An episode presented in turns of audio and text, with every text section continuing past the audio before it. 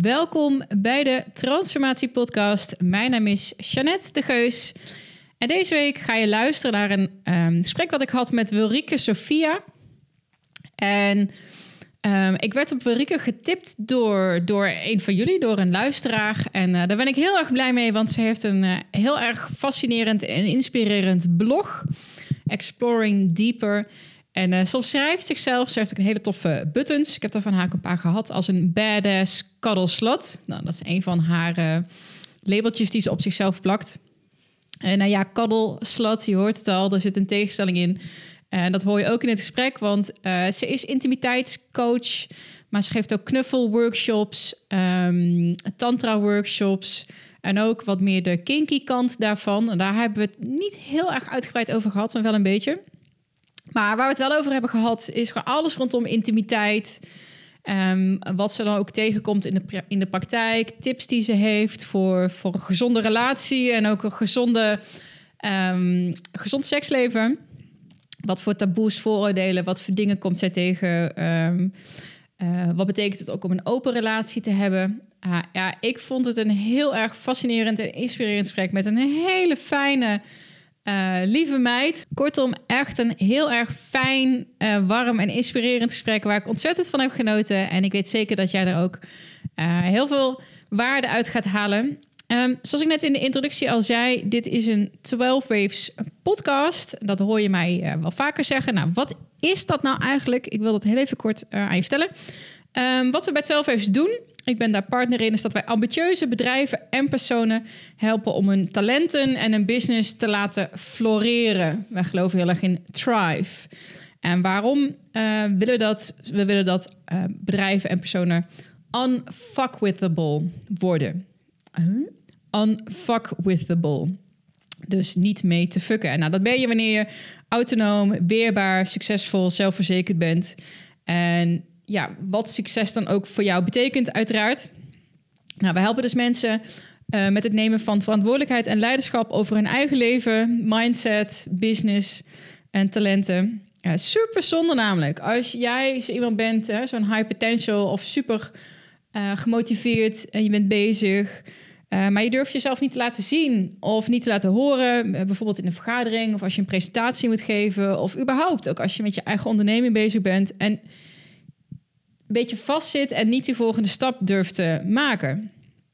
Um, want jij kan en mag ook gewoon het leven leiden waar jij van droomt, wat je zo vaak hoort. En uh, waar andere sprekers dan ook op, op inzoomen. En wij geloven echt in dat stukje zelfsturend succes. He, dat jij de held van je eigen verhaal kan zijn. En dat je echt um, zelf de tools in handen hebt om dat waar te gaan maken. Ja, maar misschien heb je gewoon een, een, een eh, een hulp nodig in het mindset deel of in ja, maar hoe ga ik dat dan doen? Want er, weet je, er is zoveel inspiratie en motivatie te vinden en um, boeken, kasten vol zijn er geschreven. Alleen er gaan heel weinig uh, theorieën in op hoe doe je dat dan in de praktijk? Nou, dat is waar wij mee helpen en waar we ook een tool voor hebben ontwikkeld. En dat hebben we het 12 Waves protocol genoemd. Dat kan je online bij ons volgen uh, op de website als je naar 12-waves.nl eh, gaat, dan kom je daar vanzelf uit. Maar we geven ook eh, seminars, masterclass, trainingen en jaarprogramma's bij bedrijven. Uh, heb je nou zoiets van, hey, dit, dit resoneert, dit spreekt mij aan... of ik ken wel iemand voor wie dit toepasbaar zou zijn... forward ze dan gerust deze podcast of de link naar onze site... of stuur mij gewoon een mailtje en dan kan ik ook contact met ze opnemen... En um, ja, nogmaals, wij zijn niet van de droge theorieën. We gaan niet urenlang filosoferen en jou bestoken met PowerPoint sheets. Maar we willen echt gewoon hands-on met mensen aan de slag in onze uh, trainingen. Dus dat is wat 12 Waves doet. Uh, mocht je dat nog niet weten. En uh, tot slot vind ik het echt te gek als je deze podcast zou willen reten. Um, bijvoorbeeld vijf sterren achter te laten in iTunes of een review te plaatsen in je app. En dat kan daar waar je ook de sterren doet, zie je een dingetje schrijf review. En dan kan je iets aardigs over mij schrijven. Um, dat was het. Geniet nogmaals deze mooie, warme en open podcast. En ik spreek je heel graag volgende week weer.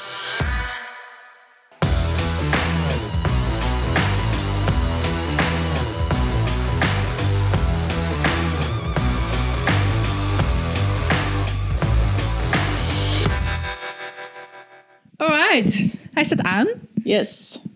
Uh, welkom Dankjewel. in mijn podcast. En uh, fijn dat ik hier mocht zijn. Super lieve poes.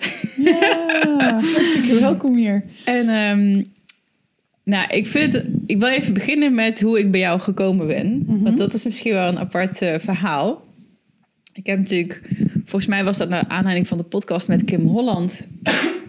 Heb ik best wel wat uh, hele toffe reacties van mensen gekregen. Maar ook een appje van iemand of een sms'je. En die stuurde me een link door naar een blogpost op jouw blog. Um, a letter to the women that sleep with my man. Even mm -hmm. uit mijn hoofd. Ja. Zo van, oh, dat vind je dan, uh, moet je daar eens kijken. Als je een beetje into dat thema bent, dan uh, is wel Rieke, check it out. Dus ik kom op jouw blog en meteen een soort van rabbit hole gezogen over gaan lezen. Ja.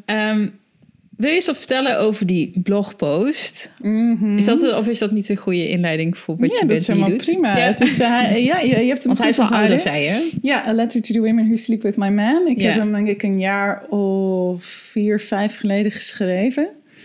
En ik schreef hem vanuit dankbaarheid. Van, het, gaat over, het gaat over het hebben van een niet-monogame relatie. En dat is voor mij een manier van leven die best wel heel spannend is. Die ook heel veel oproept, heel veel uh, angst en onzekerheden oproept. Maar waar ook hele mooie kanten aan zitten. En op dat moment was ik heel erg vol liefde over een vrouw waar mijn toenmalige partner ook mee was. En um, vanuit die flow heb ik dat uh, artikel geschreven. En dat gaat heel erg over dankjewel, want jij bent niet wie ik ben. En daarmee kun je hem dingen geven die ik hem nooit kan geven. En hoe rijker zijn leven is, hoe leuker hij ook is als partner voor mij. Ja. Ja. En die, dat gedachtebruggetje, dat vond ik zo ontzettend krachtig. Want Mm. dat behelst ook, denk ik, de mindset die je nodig hebt om niet monogaam te zijn. Mm. Omdat je anders in een soort van bedreiging blijft zitten. Ja. In plaats van een verwelkomen van dankjewel. Ja. Ja. Ik heb hem ook doorgestuurd naar mijn uh, sister wife. nice. Ja, het gaat voor mij inderdaad heel erg over sisterhood ook. Over, er, is, er is zoveel competitie tussen vrouwen. En niet alleen in liefde, maar eigenlijk op alle vlakken uh, van het leven is er nog heel veel competitie tussen vrouwen. Vanuit een angst, vanuit een onzekerheid. En ik vind het zo mooi wanneer die zuster, dat zusterschap er is. Wanneer we elkaar als ja, andere vrouw kunnen zien die ook haar leven en haar uitdagingen heeft. Ja. Die ook op zoek is naar liefde. En vanuit daar uh, elkaar kunnen zien. En ik heb op zo'n manier uh, super toffe vriendschappen opgebouwd met vrouwen die soms ver voorbij het lover zijn met iemand gingen. En die man was, nou, met sommige van hen is die man al jaren uit beeld, maar ben ik nog steeds uh, heel intens bevriend met die vrouwen. Oh, Ja. ja. dat is wel tof. Ja. ja. Dat kan ik me ook echt wel voorstellen. Want je... Ja, zonder dan misschien te snel meteen diepte in te gaan. Maar je, ik vroeg het gisteren nog ook aan mijn vriend. Zo van, kan je een soort van energie van de een op de ander meenemen? Nou, even zo, ja, iets mm -hmm. nuchterder. En ik ben ook echt heel nuchter. Maar toch weet ik zeker dat als jij... Uh, van, door een indirect contact met een andere vrouw of man... dat jij daar energetisch iets van meepikt. Mm -hmm. Nou, ik weet niet hoe... Ja, het is een behoorlijk spirituele, spirituele manier om daarnaar te kijken. Maar ik geloof zeker dat, dat, dat er impact is. Ja, ja. ja. Want zijn vibratie of zijn stemming hoe, of humeur... als je het dan maar gewoon zo wil bekijken... En, maar ook zijn karakter. Weet je wel, je bent continu onderhevig aan invloeden van buitenaf. Ja. Dus hij wordt erdoor gevormd. En dat ja. neemt hij dan mee naar mij, zeg ja. maar. Dus je ontkomt er niet aan dat je, dat je wisselwerkingen krijgt. Het is niet een geïsoleerd iets wat afspeelt wanneer ik er niet ben, zeg maar. Dat is eigenlijk een soort van continu. Nee, ik, je zegt het, ja, ik, ik zie het soms ook wel eens als het veld dat er is tussen mij en een partner of uh, meerdere partners. En er komt iemand bij in dat veld. Of er Ja. valt iemand weg in dat veld. En ik hou er ook heel erg van uh, om, er, om er vanuit, meer vanuit het uh, fysiologische, dus vanuit het zenuwstelsel en zo naar te kijken. En we hebben natuurlijk spiegelneuronen die uh, ervoor zorgen dat we een ander imiteren. En dat nemen we natuurlijk ook weer mee naar huis. Oh. Ik merk bijvoorbeeld aan mezelf dat ik heel snel woorden overneem. Ja. Dus bepaalde, bepaalde woorden gebruik of een bepaald accent, zeker wanneer ik Engels spreek, dat ik accenten makkelijk overneem of woorden overneem. En dan kom ik thuis en dan hoor ik mezelf weer tegen iemand van thuis praten met die woorden die ik dan bij die ander heb opgepikt. Dus alleen al dat, of een bepaalde houding die we hebben, inderdaad, of een bepaalde manier van dingen doen, of een bepaalde manier van met emoties omgaan. We worden continu, eh, als kind is dat waarschijnlijk nog, nog intenser dan wanneer we groot worden, omdat we dan afhankelijker zijn. Maar doorlopend en continu staan we onder invloed van alle mensen om ons heen Ja. en nemen we dingen over. Dus ja, natuurlijk, eh, als er een andere partner is die nog dichterbij staat en die meer impact zal hebben op ons doen en laten, dan natuurlijk nemen we dat mee. Ja. Ja, Kan ik beter verkopen thuis, spiegelneuronen. ja precies. ja, precies. Ja. Misschien eh, moet je me ook maar even voorstellen, bedacht ik me net. Wie ben je, wat doe je? Mijn naam is Wilrike Sophia en eh, ik ben enorm gepassioneerd over alles wat met intimiteit te maken heeft.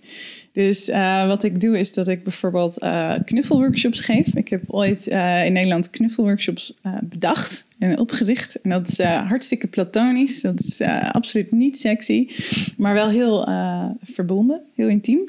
En daar gaan we eigenlijk knuffelen. En dat is niet kom maar binnen, ga maar knuffelen. Dat zijn echt gestructureerde workshops waarbij je heel veel over jezelf leert, heel erg naar binnen gaat.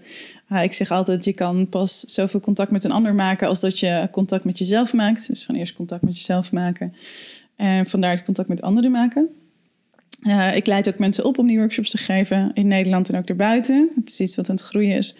En daarnaast eh, geef ik allerlei workshops op het gebied van tantra, van conscious kink, dus het BDSM. En als mensen denken, van, waar gaat het over? Dat is zeg maar Fifty Shades, maar dan de manier waar je echt wat aan hebt.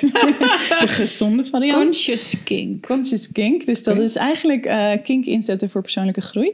Ja. Dat doe ik. Ik geef playparties. Ik geef maandelijks, creëer ik safer spaces, noem ik ze. Eh, plekken waar mensen, waar eerst een workshop is, waar je elkaar leert kennen. En waar daarna een playparty is. Dat is een, een, een space waar alles mag. eh, qua seksualiteit. Maar hoeft niks. Je mag ook gewoon komen voor een goed gesprek. Dat zijn hele warme, leuke eh, momenten. En ik ben bezig met het creëren van een online programma. Want ik coach ook al jaren mensen, vooral mannen, maar ook wel vrouwen overigens, over het gebied van intimiteit. Van hoe creëer je nou een leven waarin intimiteit echt eh, overvloedig aanwezig is, waarin je je veilig voelt in intimiteit en vrij voelt in intimiteit. Ja. En ik wil daar gewoon nog veel meer mensen in helpen. Dus ik ben bezig om dat eh, eh, om te vormen ook naar een online programma. Oh, je, we krijgen bezoek. Kom je even op schoot. Dat Ja. mag. Nou ja, en naast het alles ben ik moeder van drie kinderen. En En een, ja, een poesemama. en een poesemama. Die zit hier even gezellig op schoot. ja, precies. Dus de YouTube mensen kunnen dat zien. Ja, mijn indoor panter. Ik hoorde je net zeggen ehm, dat conscious kink. En dan komt meteen op het tweede artikel wat ik van je las. The emotional and spiritual Ah. benefits of deep throating. Ja, dat zijn de twee beduchtste artikelen die ik ooit schreef. Daar kunnen we misschien Ja. zo meteen nog wel even op eh Ja. Ehm, zitten. Maar het stukje, wat is intimiteit dan eigenlijk? En Mhm. ehm, ja, laten we daar eens mee beginnen. Ja, mooie vraag. Voor mij is intimiteit zo echt mogelijk samen zijn met iemand. Dus met zo min mogelijk maskers, met zo min mogelijk filters, met zo min mogelijk proberen om leuk te zijn, proberen aardig gevonden te worden, proberen eh, een houding te geven of, of eh, oordelen. We hebben vaak oordelen op de ander of oordelen op onszelf via de ander. En dat zijn zeg maar gedachten waar je denkt van, oh misschien vindt ze me wel te dik, te dun, te lang, te kort, te dom, te wat dan ook. Dan veroordeel ik mezelf via jou. Ja. Waarmee ik jou geen kans geef, mezelf geen kans geef en er dus geen intimiteit is. Dus voor mij heeft intimiteit niet zoveel te doen met hoeveel kleren je aan hebt of wat we precies doen, maar eh, met hoe we zijn. ja. Zo echt mogelijk samen zijn. En waar merk je dat aan wanneer je, eh, wanneer je wel zo'n masker op hebt? Of, of dan misschien Mm. juist wanneer niet? Want ik denk dat de meeste mensen eigenlijk altijd in een soort van maskermodus zitten. In een Ja, en soms is dat, een, is dat een heel goed idee. Want soms is het niet een goed idee om kwetsbaar te zijn. En we leren ook allemaal vanaf dat we jong zijn aan om bepaalde maskers te hebben. En ja, als je, als je uh, uh, op straat in de auto zit en uh, er rijdt een politieauto achter je aan, nou, dan is het misschien goed om even dat masker van een zelfverzekerde, onschuldige persoon aan, te, aan te gaan. Of wanneer er iemand heel boos op je afgestormd komt en je hebt even iets nodig. Of nou ja, er zijn genoeg momenten waarbij een, een masker of een rol jou helpt om yeah. liefdevol en beschermend met jezelf om te gaan. En dat is oké. Maar hoe merk je, het, is, het is ook een een rol waarin je nooit helemaal jezelf vervuld zult voelen. Dus je kan je nooit helemaal vervullen met liefde of met aandacht. Of echt iemand anders uh, de complimenten van een ander echt binnen laten komen, bijvoorbeeld. Als je echt naar die intimiteit toe wilt, vraagt heel veel zelfkennis. Wanneer uh, zit ik in mijn hoofd? Kan ik voelen wanneer ik in mijn hoofd zit? Uh, want in je hoofd zit je vaak in een patroon, zit je vaak in een masker. Um, wat ik net zei, die oordelen. Zit ik in een oordeel naar jou of naar mezelf? Nou, dan ben ik ook niet aanwezig in het hier en nu. Yeah. Dus ik, wat ik meestal doe, is dat ik mensen leer om via hun zintuigen in het hier en nu te zijn. Ja. Yeah. Dus wat voel ik? Wat hoor ik? Um, wat ruik ik? Wat proef ik? Want dan ben je weer in het moment, ben je het hier en nu. En vanuit kun je voelen van, oké, hoe gaat het nou met me? Wat heb ik nodig? Wat heb ik echt nodig? Um, hoe voel ik me eigenlijk? En kan ik dat laten zien aan de ander in plaats van de sociaal geconditioneerde glimlach wanneer ik iemand aankijk? Misschien wil ik helemaal niet glimlachen, misschien wil ik wel huilen. Ja. durf ik dat te laten zien? Ik moest net ineens denken aan, uh, waar was ik nou? Volgens mij was dat bij Casper van der Meulen op een event. En had hij een, opdracht waarbij de persoon achter je moest je uh, aankijken. Van best wel dichtbij, één minuut mm -hmm. of weet ik hoe lang. Zonder in de lach te schieten. Of maar gewoon even iemand in zijn ogen aankijken. Ja. Ik weet niet meer precies wat de, wat de doel van die opdracht specifiek was. Maar ik weet dat ik daar zo ontzettende hoofdpijn van kreeg. En dat ik echt daarvan... Dit zijn gewoon een soort van defense. Ja. Dus ik voel letterlijk een soort van... Maar je, je, ja, je, je kon niet naar het lachen wegkijken... of omdat je daar in, in die positie geforceerd bleef. Mm -hmm. Zo'n hoofdpijn. Ja. zo van, wow, wat is dit nou weer? Um, mm -hmm is het, ja, herken je dat? Is, snap je wat ik... Ik herken het van vroeger, als ik dan zo'n eye gaze, want ze noemen dat dan, zo'n ja. eye gaze oefening doen, dat ik dan bijvoorbeeld heel ingespannen ging kijken, want dan wilde ik wel op de goede manier iemand aankijken, ja. bijvoorbeeld. of uh, dan ging ik heel geforceerd proberen, want je kan nooit, als je iemand lang aankijkt, je kan nooit iemand in twee ogen tegelijk aankijken. Nee. Dus je moet of een oh, oog kiezen is... of, of focussen op iets in het midden. Nu maak, jij, maak je me er bewust van, dus die zit ik echt zo knipperend jou aan te kijken. Ik zo, oh nee, niet in alle twee ogen kijken. ja, maar dat soort dingen. Dan zijn we toch ons best waarschijnlijk aan het doen. En dan uh, ja, misschien komt die hoofdpijn wel omdat je dan zoveel je spieren rond je ogen inzet om heel ingespannen het goed te willen doen. Ja, en ook volgens, het voelde echt als een soort van inwendige zo van, oh, maar niet dichtbij komen. Ja, weet je wel zo. En dat kan ook nog. Ja, ik hou er heel erg van om mensen altijd een keuze te geven. Dus om ook aan te geven op zo'n moment van, als het even te veel wordt. En je verliest jezelf, en dan schiet je het doel voor mij voorbij, voor mijn gevoel. Doe even je ogen dicht. En wanneer je weer jezelf voelt, dan doe je je ogen weer open en ga je verder met iemand aankijken. Ja. Dit is een, uh, dit is een, um, een, uh, een, uh, een pitfall, hoe noem je dat? Een valkuil die ik vaak zie in allerlei workshops over persoonlijke groei en tantra en, en dergelijke. Is dat je eigenlijk een soort in een oefening gezet wordt of in een interactie gezet wordt zonder dat je kan kiezen om daar niet in te gaan. Mm. Dus daarin, zeker als je je grenzen niet heel helder hebt, is het heel makkelijk om vanuit wat voor patroon dan ook in een oefening te stappen terwijl je er eigenlijk helemaal niet klaar voor bent. Dus mijn wens, of mijn, ja, mijn wens voor workshops, is dat mensen daar altijd een keuze in krijgen. Zodat je uh, empowered wordt, in je kracht gezet wordt om te kiezen van oké, ben ik aanwezig genoeg? Wil ik deze persoon nu aankijken? Komt hij te dichtbij? Wil ik dat eigenlijk helemaal niet? Ja. In plaats van dat we denken van oké, dus als ik het goed wil doen, moet ik dit nu gaan doen. Want dan kan je heel goed je eigen grenzen weer overgaan. En of uh, een oefening vanuit een overlevingsmechanisme ervaren. Of zelfs als je echt heel ver buiten je comfortzone zit, uh, in een trauma raken. En jezelf eigenlijk weer te traumatiseren van, oh, ik zit nu weer in een ervaring waar ik helemaal niet in wil zijn. Maar ik moet erin blijven, want de teacher zei dat ik dat moest doen. Wat, ja, is dat iets wat, wat je wel eens ziet, wat dan ook gebeurt? Want wat ja. moet ik me dan daarbij, want nou, ik ben niet super spiritueel, wel een beetje. Dus als jij zegt van, als mensen dan in een trauma raken, ik denk dat ik wel mm -hmm. weet wat je bedoelt. Maar kan je dat illustreren? Ook omdat ik denk, mensen uh, knuffelworkshops en ook zo'n be- beetje bang zijn om die kant op te gaan. Ze van, oh jee, dan worden allerlei dingen, dingen Ja, opgerakeld dan moet ik van alles. Ja, ja. waar ik niks mee wil. Of ehm, ehm, wat dan te dichtbij komt of zo. Ja. Of wat misschien alleen maar schade Ja. brengt. Misschien Ja. wel goed om dat een beetje te, te verhelderen. Of, of Ja, ja, ja. Nou ja, we zijn allemaal in ons leven wel in situaties geweest waar we eigenlijk niet in wilden zijn. Ja. En waarin we misschien niet de keuze hadden. Dus niet de power hadden om daaruit te stappen. Of niet de power hadden om tegen de ander te zeggen van... hé, hey, dit wil ik helemaal niet. En ik zie dat regelmatig, op, niet alleen in de intimiteitswereld overigens... hoor. Ik zie dat heel vaak op heel veel plekken gebeuren...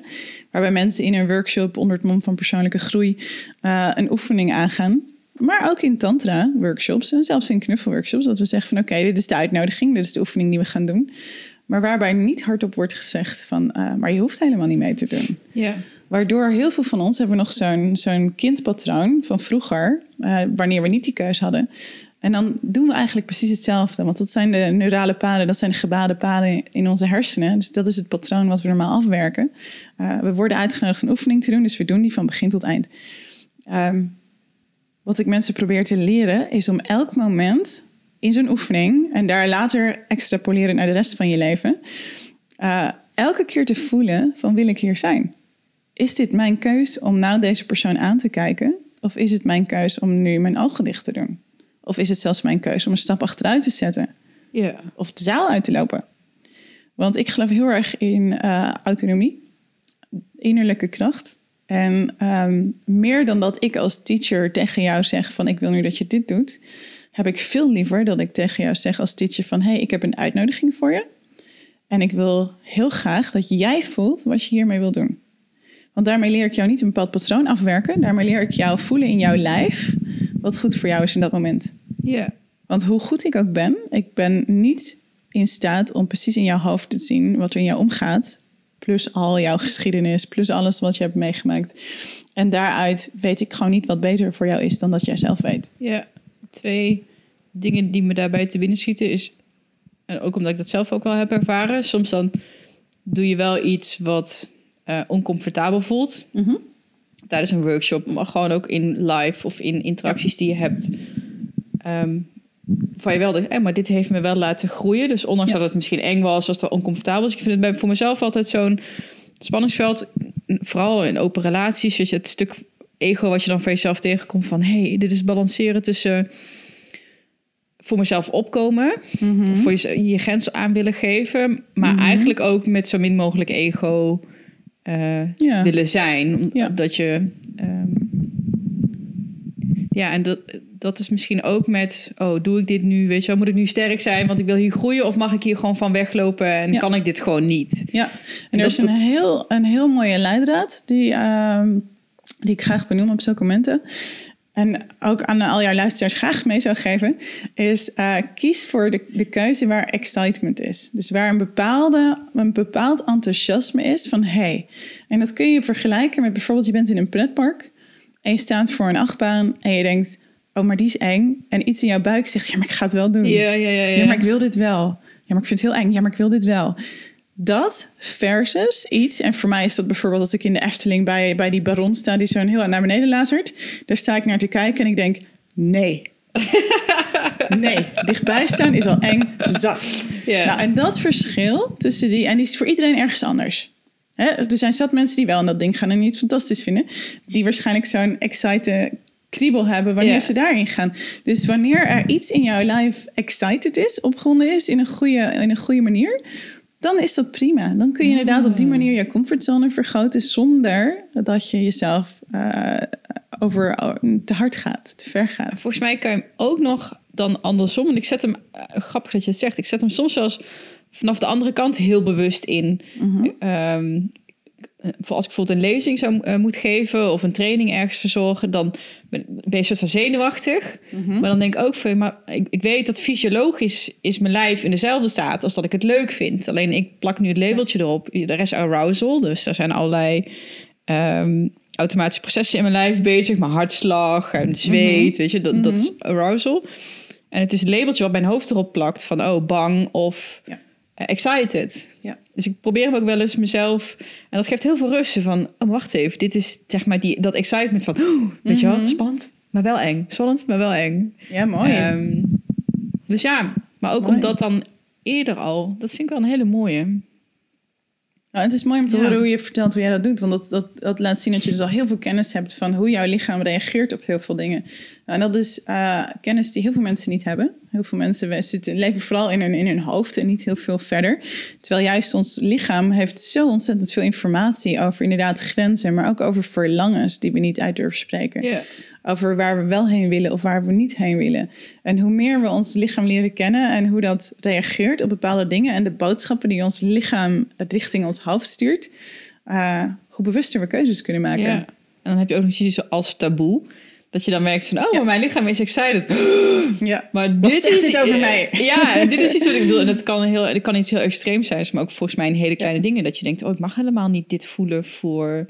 Mag ik als moeder wel heel blij zijn dat ik mijn kinderen nu naar school breng en denk, ha, paaien voor mezelf. Ook zo'n taboe. Ja. Ja, ja, Ja. Ja, ja. Maar wellicht geeft dat aan dat ik als moeder eh, even een momentje eh, met mezelf nodig heb. En een Ja. wandelingetje nodig heb, waardoor ik daarna een veel goeiere, eh, veel betere moeder ben. ja.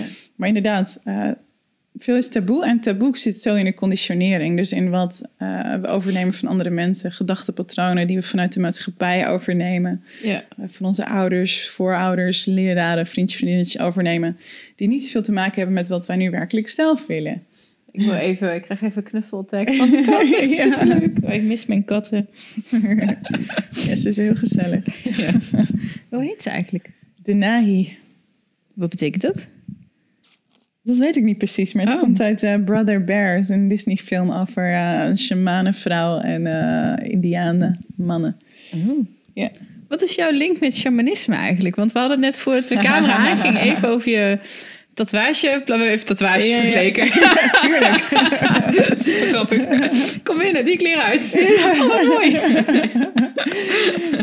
ja, zo gaat het. Ja. Wat is jouw link met, met shamanisme? Eigenlijk met shamanisme. Ik weet niet, ik, eh, ik ben gewoon een beetje een heks. Een beetje een heks. Kan je een beetje een heks zijn? Volgens mij niet. Ik ben, eh, ik ben heel erg in het bos opgegroeid altijd. En ik stond altijd al met de bomen te praten en mijn hand op een boom. En dan voelde ik van alles. En ik heb altijd paarden in mijn leven gehad en daar praatte ik mee. En eh, hoe, hoe Ja. praat je met een boom? Oké, want ik was in Peru voor, inmiddels vorig jaar. ja, En zelfs al zat ik helemaal in het medicijn, omringd met mensen die niet anders doen dan zeg maar op die manier communiceren met de natuurlijke wereld. Want kijk, als je dat hier in Nederland mensen ziet doen, weet je, maar daar is het ook echt gewoon onderdeel van een realiteitsperspectief of zo. En zelfs daar kon ik het niet. In de zin van, ja. er stonden van die hele grote teacher trees. En ja, weet je wel, en dat- die raak je aan, dan kun je weer praten. Daar, of ja, praten, maar hoe... kan, je het, kan je het uitleggen? Leuke vraag, want dit zijn dingen waar ik heel weinig openbaar over praat. Sorry. Nee, dat geeft niet. Ik weet niet. ehm, ik, ga, ik, ik weet niet, ik ga tegen een boom aanzitten en dan word ik heel rustig. Soms dan eh, zie ik beelden of voel ik dingen of zo, dat soort dingen. Ja. Bijvoorbeeld, is er dan iets van, van zo'n boom? Ik heb geen idee. Nou, Ik ik heb vind geen idee, maar ik heel blij fascinerend hoor. Ehm, heb je wel eens een sequoia tree eh, gezien? Ja. Nou, dat was voor de eerste keer dat ik echt dacht van... En dat was nog voor het hele ayahuasca eh, überhaupt. Dat ik daar in mijn auto zat en, en ook rondliep. En echt iets had van... Dat kwam zo hard binnen. Nou, dat is een Ja. boom van 2000 jaar oud. Sommige. Ja. Ehm, en ook massive groot. Ik bedoel, het is Ja, echt ja. gigantisch. Ja, dat zijn de, de bomen die het grootste kunnen worden ter Ja, wereld. ja, ze zien er heel raar uit, want het is eigenlijk een hele grote eh, stam Ja. met heel weinig blad, maar wel gewoon het, zo hoog is een flatgebouw, zeg maar. Ja, ja, ja, ja. En het feit dat die er al 2000 jaar stonden, toen pikte ik voor de eerste keer een soort van vibe op van wij zijn gewoon eendagsvlieger voor hun, feitelijk. Als je Absoluut. dat het perspectief, de timeline vergelijkt, van oh, Ja. heb je weer van die, ja, we doen ze Ja. geen kwaad, maar echt zoiets van, oh, dit is echt een vibe. En het voelde heel eh, als in een kathedraal, zeg maar, een beetje dat, Ja. dat eh sacred, heel rustig, Mhm. heel rustige soort van zoom. Dus dat, dat, snap, dat snapte ik wel. Ja, maar ik, ik vind het wel echt fascinerend. Wat ook ik ook heel, meer heel mensen ook ja. over hoor. Gewoon de plant consciousness en daar Ja. dan ook soort van dat oppikken op de een of andere manier. Ja, Ja, ja, ik vind het prachtig. Ik, ik vind het ook fantastisch om bij een boom te staan en te beseffen dat onder de grond zit net zoveel als boven de grond. Hè? Dus dat je de wortels, dat je eh, wanneer je tegen een stam staat, dus ook echt gedragen wordt door de wortels eigenlijk. Die groeien allemaal onder je door. Zover als dat de kroon van de boom boven je eh, ook uitreikt. Dat doen die wortels ook.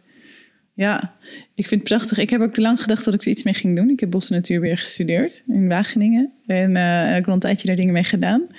En nog steeds, eh, het schijnt een soort trip te zijn om met mij naar het bos te gaan. Want ik Ja. zie altijd van alles. Ja, ja, ja, ja. ja. Ja. Maar dat is er. En ja, wat verder nog meer. Ik werk ook veel met plant medicines. Eh, je hebt het over ayahuasca, dat soort dingen. Ja. Eh, doe ik ook. Dus binnenkort weer een bufo-ceremonie hier in mijn huis. Dat is dan eh, een pad, is weer iets anders. dat, is, dat heb ik nog niet gedaan. Ik sprak laatst ook toevallig twee mensen in mijn tweede kring die dat deden. Die ik ook niet, zeg maar, mijn eerste aanraking met ayahuasca, dat, dat kwam heel erg uit de tantra hoek. Omdat de dame die dat faciliteerde zat in, dus dan, je hebt natuurlijk heel veel je eigen netwerk wat daarop afkomt. Dus ik, ik heb heel lang zo'n beeld gehad van, oh, dat zijn allemaal, ja, wat je hippies zeg maar zou eh, noemen. Alhoewel ik ook gewoon, gewoon hippie word genoemd. Dus ik vind het wel Ja. een compliment ergens. Ja. Denk, ja, Ja. maar... ehm, en dit waren gewoon mensen van denk, oh, je bent gewoon gejaagd ondernemen of gewoon, weet je wel, een ander soort mensen die ik nou ook dat soort ceremonies hoor gaan. En ik wow, wow, dat, dat zou ik twee jaar terug echt niet hebben verwacht, zeg maar. Maar Ja. wat is bufo? Bufo is een, is een pad. Ja, Het is een padden en, en eh, je, het, het is er ook synthetisch, maar je kan het ook. eh, het, is, het is een, ehm, een stof uit de klier van een, van een pad die alleen in Mexico voorkomt. En dat rook je en dan ben je even helemaal weg. Dan ben je Ja. echt gewoon 20 minuten echt helemaal weg. Dus dat moet je ook echt alleen maar onder hele goede begeleiding doen. Eh, die je opvangt, letterlijk. En dan ben je helemaal weg. En dan eh, ervaar je non-dualiteit en dualiteit tegelijk. Het is heel bijzonder. Eh, eigenlijk ben je even helemaal één met alles. Ehm, ja, de ervaring is voor iedereen natuurlijk anders, net als met ayahuasca en al die Ja. dingen. Het is een kortere reis van een minuut of twintig, al lijkt het uren te duren als je erin zit. Het, het is het sterkste psychedelische middel dat er is, dat bestaat. Het is niet een heel oud, eh, zoals ayahuasca, dat heeft natuurlijk honderden, misschien wel duizenden jaren tradities. Dat is met Bufo Ja. niet zo. Het is een eh, wat nieuwer. Hij is pas een aantal tientallen jaren oud. Oh. Eh, het bestaan hiervan. En eh, ja, dus het is wat minder, minder gelinkt aan, aan tradities. Maar een heel mooi medicijn, wat echt heel, heel, heel erg diep gaat. En heel diepe inzichten kan brengen. En heel diepe ervaringen kan brengen. Ja, oh. Ja, ja, ja. Ja, dat en oh, van alles. eh Cambo en de rapé, allemaal dat soort dingen. Ik werk met van alles en nog, eh, nog wat. Eh, Hoe een vinden mensen groei. jou? Met wat, voor, met wat voor vraagstukken komen mensen bij jou? Want het is best wel een groot palet. Ja. Wat volgens mij onder de streep is heel erg met een stukje zelfkennis, maar ook een beetje Ja. buiten de, buiten de lijntjes. Ja. Ehm, Ik denk dat je het samen kan vatten eh, dat het mensen zijn die op wat voor manier dan ook meer intimiteit in hun leven willen. Dus of een bestaande relatie hebben en die willen verdiepen, of eh, eenzaam zijn. Of ehm, ik heb ook zeker in mijn één op één sessies mensen die eh maagd zijn en al nou ja, 20, 30, 40, 50, 60 jaar oud zijn. ja, of mensen die uit, hoe noem je dat, Eh, manipulerende huwelijken komen. Zowel mannen als vrouwen. Eh, veel mannen ook trouwens, die eh, heel erg ongelukkig zijn geweest in een langdurige relatie, daaruit komen en soms echt al ver in de zestig zijn en zeggen van nou, ik ben nu gescheiden, want ik wil, ik ben, ik leef nog en ik wil, ik wil een andere ervaring, maar ik heb geen idee hoe. Eh, dat kan de vraag zijn. En die dan gewoon geen intimiteit in een huwelijk hebben ervaren. Bijvoorbeeld, of op een manipulatieve manier. Ehm, of die opgegroeid zijn met bijvoorbeeld van masturberen word je blind. Die zijn er nog steeds, mensen die daarmee opgegroeid zijn. Dus mensen die enorme angst op hun seksualiteit hebben zitten. Soms gewoon mensen die gewoon niet zoveel weten. Want die hebben eh, of in één relatie of in meerdere relaties alleen maar recht toe recht aan seksualiteit ervaren. En hebben zoiets van, ja, maar er moet toch meer zijn dan dat? ja. Dat is wel wat er bij me komt. Eh, ook mensen die ehm, meer op het brede vlak, dus niet per se in seksualiteit of intimiteit, maar gewoon in het brede vlak meer in hun kracht willen staan in hun leven. Uh, die komen ook wel naar me toe. Zo van, hoe doe jij dat nou? Ja, ja, ja, ja, hoe regel jij dat nou in je leven? Kun je me daarover leren en hoe doe je dat? Dus, dus dat soort, dat zijn eigenlijk de, de brede vragen. Ja. En hoe, hoe zou dan zo'n sessie eruit, zonder dat je een specifieke casus in detail, maar hoe zou zo'n sessie eruit zien als iemand inderdaad komt van, hey, ja volgens mij is er meer dan wat ik nu heb ervaren. Ja. Of ik, kan ze iemand ook echt een tekort voelen? Dat je wel weet van, hé, hey, maar dit is volgens mij niet zo, omdat je, ja, als je niet anders kent. Zeker kan dat. Ja, zeker kan dat. Mensen zien ook wel om zich heen dat het anders kan. Uh, en mensen, weet je dat bekende is dit alles gevoel? Van, nou, volgens mij moet er meer zijn dan dit. Ik, uh, ik, ik zou dat zo graag ervaren. En soms hebben mensen geen idee wat ze dan precies zoeken. Maar hoe een sessie eruit ziet, het begint altijd met een goed gesprek. Mensen krijgen altijd van tevoren een heel uitgebreid intakeformulier dat ze invullen. Begint het met een goed gesprek. En eigenlijk begint alles bij mij bij jezelf leren kennen. Dus eerst ehm, leer ik mensen over, oké, hoe voelt een verlangen dan in je lijf? Hoe weet je nou dat iets werkelijker verlangen is? Of omdat iemand iets tegen jou zegt en jij denkt dat je dat ook wil? Misschien wil je dat wel helemaal niet. En hoe voelt de grens in jouw lijf? Want heel veel mensen echt heel veel mensen hebben geen idee hoe een grens in hun lijf voelt.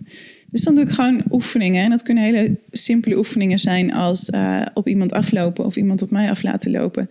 En mensen laten oefenen met stop zeggen. Of hoe voelt het nou als ik vraag aan iemand om te stoppen en een stap achteruit te zetten? Of hoe voelt het nou als ik zelf een stap achteruit zet? En soms komen er allerlei beperkende overtuigingen naar boven van hé, hey, maar dat voelt als falen of dat voelt als afwijzen. Uh, en dan leer ik mensen uh, welke overtuigingen er zijn en help ik ze daarmee omgaan.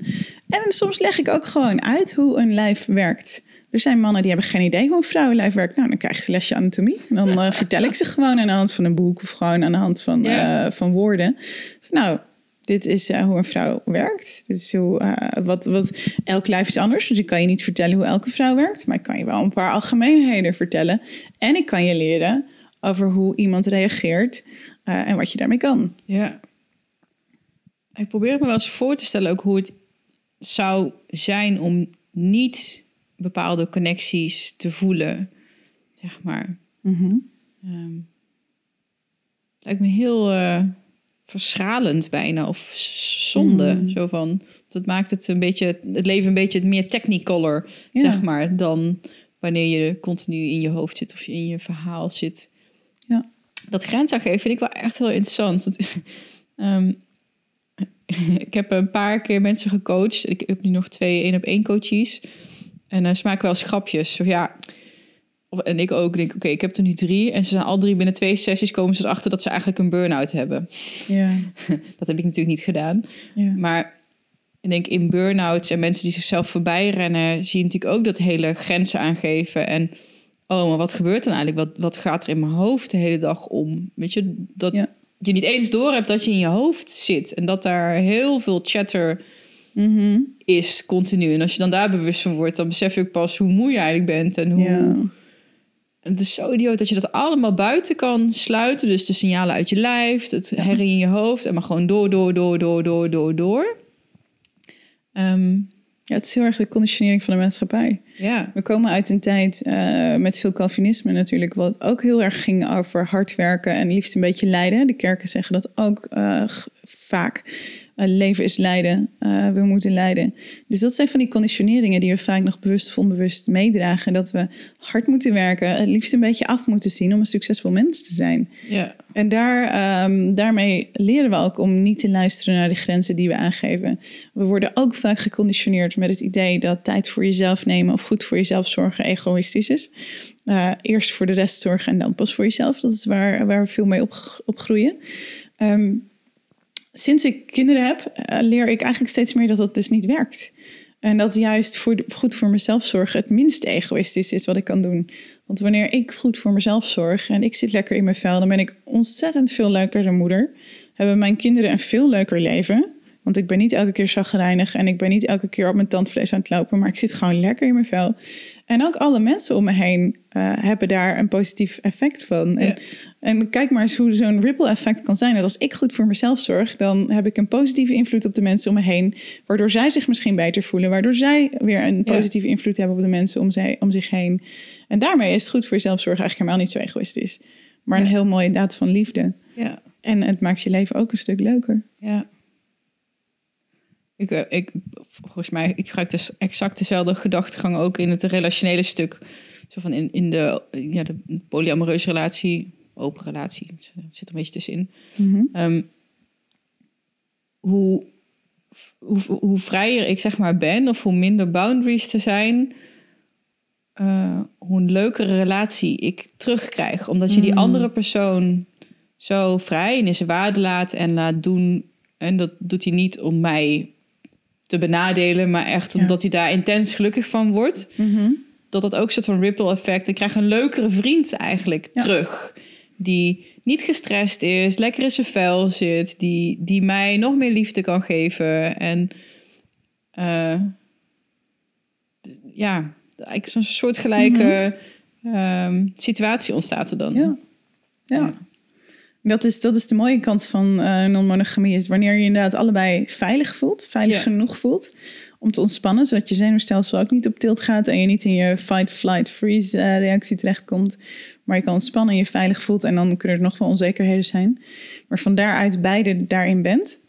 eh, dan, dan, ja, dan is het overvloed wat je kan Ja. creëren door eh, meerdere relaties Wat, aan te gaan. jij bent, hebt een open relatie. Op dit moment heb ik geen partner. Er is wel een lover. Is iemand die ik eh, zeer regelmatig zie. En dat is iemand die een, eh, een vaste partner heeft. Eh, en ik ben vrij om met Af anderen te zijn. ja, ja, ja. ik heb wel eens een leuke date of zo. Of, er zijn wel mensen die ik af en toe zie. Ja. Ja, maar dus niet een partner-partner op dit Ja. moment. ja, want toen je die brief schreef, Ja. zat je dus wel in een, in een Ja, het open was ik nog relatie. met de vader van mijn kinderen. Ja, ja, ja. ja. Toen hadden wij een open relatie inderdaad. En ik heb toen ook nog wel een partner gehad in een open relatie. Ik ben eigenlijk de afgelopen zeven jaar niet monogaam geweest. Ja. Wat, was dat een hele bewuste keuze voor jou? Ja. Hoe kan je het, mij eens meenemen in hoe dat dan is ontstaan? Ja. Wat daar de aanleiding toe was? En ik ga even een stukje van je chocolade. Ja, doe dat. ik, eh, dat begon. eh, deze persoon en ik waren op dat moment, ik denk een jaar of vijf samen. Nou, ik denk een jaar of vier toen we erover begonnen. We zijn, we, zijn allebei ondernemers. We zijn allebei van die mensen die eh, steeds weer dingen willen bijleren. Steeds weer willen doorgroeien. Steeds eh, ja, dat personal growth. Dus heel erg bezig zijn met wie ben ik als mens en hoe kan ik daar zijn waar ik heen wil. En we lazen allebei een blog van Amerikaanse schrijver, Steve Pavlina. En eh, dat ging heel erg over ondernemen. Dat ging heel erg over overvloed cre- creëren op alle fronten in je leven. Dat ging ook over non-monogamie. Dat ging ook over polyamorie. Dus we waren dat aan het lezen. We, wisten allebei dat we dat, die blog lazen. Dus los van elkaar zijn we allebei artikelen daarover gaan lezen. En ik had ooit, ooit met een lover daarvoor al eens een keertje zo'n gesprek gehad. Van hey, als wij ooit een relatie aangaan. Hè, we zijn nu begin twintig. Ja, dan zou, dat zou ik zou het zonde vinden als we dan nooit meer een ander. Dus ik had het al een keertje zo'n gesprek gehad. En toen eh, met mijn toenmalige partner kwam het ook ter sprake. En ik weet niet meer wie het ter sprake bracht, maar het was dat het bij ons beiden borrelde. En dat we een soort van tegelijkertijd ermee kwamen van... hé, hey, ik was toen... eh, ik, was, ik was 23 toen ik hem ontmoette. Ik denk dat ik toen op dit moment een jaar of 6, 27 was... toen we dit hierover begonnen te praten. En hij een paar jaar ouder. En we hadden allebei zoiets van... ja, maar we hebben allebei helemaal niet zo heel veel seksuele ervaring met zo heel veel mensen. We zijn nog jong. En onze intentie is om eh, samen te blijven tot we oud en grijs zijn. We hebben zoveel liefde samen. Kunnen we dat niet delen met meer mensen? En eigenlijk zouden we ook gewoon nog wel een beetje meer ervaring op willen doen met andere mensen. Want dat voelt zo leuk en zo spannend. En dat avontuur, daar hadden we Ja. er echt allebei heel veel zin in. Dus we hebben er eerst een jaar over gepraat. Echt een jaar lang. Ehm, ja, echt, echt het erover gehad van hoe zou het er dan uitzien en hoe zou dat dan gaan. En toen zijn we daarna echt heel langzaam, stapje voor stapje, gewoon eens gaan uitproberen. En op dat moment, dit is dus een jaar of zeven geleden, toen was uh, open relateren. Het is inmiddels veel bekender en veel opener dan dat het toen was. Dus inmiddels is er veel op tv geweest Ja. en zijn er veel, uh, is het in de media een veel meer een, een, een onderwerp waar veel over gesproken wordt. Dat was toen nog niet het geval. Ik kende ook niemand die uh, hiermee bezig was. Dus we hebben nogal de route van vallen en opstaan genomen. Met nogal vaak dat het uh, over grenzen ging en dat het toch niet zo goed ging. En dat de een te snel ging en dan weer de ander te snel ging. En nou, het was allemaal, het was een best wel een onhandige weg. Uh, en ik heb er vanaf het begin af aan over geschreven en over geblogd. En, uh, en nou, een van die artikelen komt daar inderdaad vandaan. Er zijn, uh, ik heb er veel meer over geschreven. Ook om mijn verhaal kwijt te kunnen. Ja. En ook om, omdat ik van binnen heel erg een passie voel om te delen. Niet omdat ik zo nodig in de aandacht moet, maar om mensen bewust te maken dat ze kunnen kiezen. Mm. Dus hé, hey, er zijn meerdere wegen die naar Rome leiden. Er zijn meer manieren om je leven te leiden. Wist je dat? En wat zou jij nou precies willen? Dus dat is, dat is, dat is eigenlijk het begon. En we zijn, uh, uh, deze, deze partner en ik hebben dat nog een jaar of vier volgehouden. En uiteindelijk zijn we niet samen gebleven, want het ging niet door de open relatie. Dat was echt omdat we een andere kant op bewogen. Ik denk wel dat de open relatie dat proces versneld heeft, maar niet veroorzaakt heeft. En, uh, en daarna ben ik eigenlijk op dat pad doorgegaan. Ja, ik sluit niet uit dat ik als ik een, een, een man tegenkom, dat ik weer monogaam zou willen zijn. Of in elk geval voor een tijdje. Maar voor nu is het goed zo. Ja. Ik uh, volg uh, Aubrey Marcus en Whitney Miller. Ik heb Whitney laatst ook in de podcast uh, gehad. Hij is een grote podcaster uit Amerika. En zij zijn ook al vijf of zeven jaar open en daar heel expliciet over. Mm-hmm. nou, als je af en toe ziet wat voor shitstorm ze in de comments, bijvoorbeeld een Instagram post, over zich heen krijgen. van dit is geen echte liefde tot je neemt genoegen met minder. Hmm. Jullie zijn gewoon vrienden die zoveel mogelijk willen neuken. Ja. Eh, weet je, dus... En ergens is het bijna... Word ik er soort van verdroevig van. Zo van, oh hmm. wauw. Dus liefde is alleen maar als het exclusief voor één persoon is... En hoe langer ik zelf in die hele polyamoreuze situatie zit, ik merk nu ook als ik films zit te kijken, dat heel erg van, wow, alle films zouden zeg maar yeah. instantly niet meer bestaan. als je dat hele spel. Je moet kiezen voor hem of voor haar. Ja, van, en oh jee, je hebt iets met iemand anders gedaan. Nu moeten we scheiden, ons mooie huis verkopen, staat ons leven op zijn kop, is iedereen doodongelukkig en uh, hurt. Mhm. En uh, dacht echt, wow, wat een hoop ellende bespaar je jezelf eigenlijk. Als je dat niet zo strikt uh, neemt. Maar um, wat, uh, ik weet wat ik daar eigenlijk mee wilde vragen. Ja, dat er veel oordeel is over, ja, over deze keuze. Ja. ja. Ja. er, is heel veel, er is heel veel oordeel en onbegrip uh, vanuit de buitenwereld. Inderdaad, het stigma is heel vaak, oh, het gaat vast over seks. En zoveel mogelijk rond willen neuken, wat jij ook zei. Ja, ja maar, en dan, dan, moet je vooral niet een open relatie aangaan. Want dat, dat, er komt zoveel kijken bij een, een niet-monogame manier van leven. Al is het maar over uh, de communicatielijnen die exponentieel verdubbelen. Dus met drie mensen heb je al uh, zes... Uh, twee, vier. Nou ja, heb je al vier communicatielijnen. Met uh, vier mensen heb je er nog weer veel meer. Dat gaat heel hard omhoog. Er moet veel meer gecommuniceerd worden. Het is veel meer werk. kost een hoop tijd. Uh, ik, ik ben absoluut geen missionaris van open relaties. Ik zeg mensen juist vaak, denk er goed over na. Maar inderdaad, er is ontzettend veel oordeel. Ik vermoed vanuit angst. Ja. over, over deze manier van leven. Ja, en ik zie het vaak ook als, wat ik dan bij vrienden van mij hoorde, het is hun angst die zo, oh, zorg je wel goed voor jezelf. En al, alles waar zij dan zeggen, waarom zij het niet zouden willen of kunnen, of alles waar zij tegenaan lopen, wordt op mij gelegd. Ja, maar je moet wel opletten dat er niet dit gebeurt, of wel dat gebeurt. Of let op hier. En dan denk ik echt, wow, wow, wow, die jij je eigen e-, ego-werk. Ik heb dat druk genoeg met dat voor mij, zeg maar, in dit eerste jaar. Ik vind het echt heel leuk om te horen dat je daar een jaar over praat. En een vriend van mij uit uh, België, die zei, ja, dat is een beetje een inside joke. De grootste hobby van polyamoristen dat is praten. Ja, ja, ja, Want iedereen altijd denkt, oh, nou ja, dat is seks. Nee, dat is praten. niet. Nee, nee, seks moet je niet doen. dat seks ook echt. Iedereen zegt dat, ook niet zo. Don't do it for the seks. Als dat je, je, je doel is, ga dan voor andere wegen. Exact. Ja. Ja, exact. Want je gaat, en als je niet bereid bent om je, je, je donkere kanten tegemoet te treden, doe het dan ook vooral niet. Is inderdaad, dat is mijn, mijn grote motivatie, is persoonlijke groei. Mezelf nog beter leren kennen. Uh, en autonoom zijn. Dus mag ik vanuit mijn eigen beslissing bepalen hoe ik iemand ontmoet. Binnen de respectvolle grenzen die ik maak met de mensen om me heen. Dus er is altijd respect naar de mensen om me heen. Er is altijd consent, dus wederzijdse toestemming, instemming over hoe we met elkaar omgaan. Maar kan ik daarbinnen uh, kan ik dan helemaal vrij zijn. Dus dan dwing ik mezelf om die verlangens en die grenzen te gaan voelen. En daar ook echt uh, actie op te ondernemen. Ja. In plaats van dat ik denk, oh, maar ik heb een partner, dus ik mag sowieso nou niks met je. Hoe, verhoud, hoe kijk jij tegen vrouwelijke seksualiteit aan? En het verschil tussen hoe een man seksualiteit ervaart en een vrouw? Hmm. Daar zit, daar zit, ik hou helemaal niet van eh, heteronormativiteit. Ik hou helemaal niet van onze oordelen rondom eh, man zijn en vrouw zijn. Maar er zit wel degelijk verschil in eh, hoe we seksualiteit beleven. Sowieso is de mannelijke seksualiteit commercieel veel meer uitgebaat. alle porno die je ziet, alle billboards langs de snelweg met vrouwenlijven. Het is, het, is, het is bijna allemaal heel erg op de mannelijke beleving van seksualiteit gericht. En mannelijke beleving van seksualiteit kan ik erover zeggen? Die is meer doelgericht dan die van de vrouw. Een mannelijke uh, ervaring gaat ook meer doelgericht richting penetratie en richting orgasme dan die van een vrouw over het algemeen. En dit is allemaal over het algemeen en extreme generalisaties.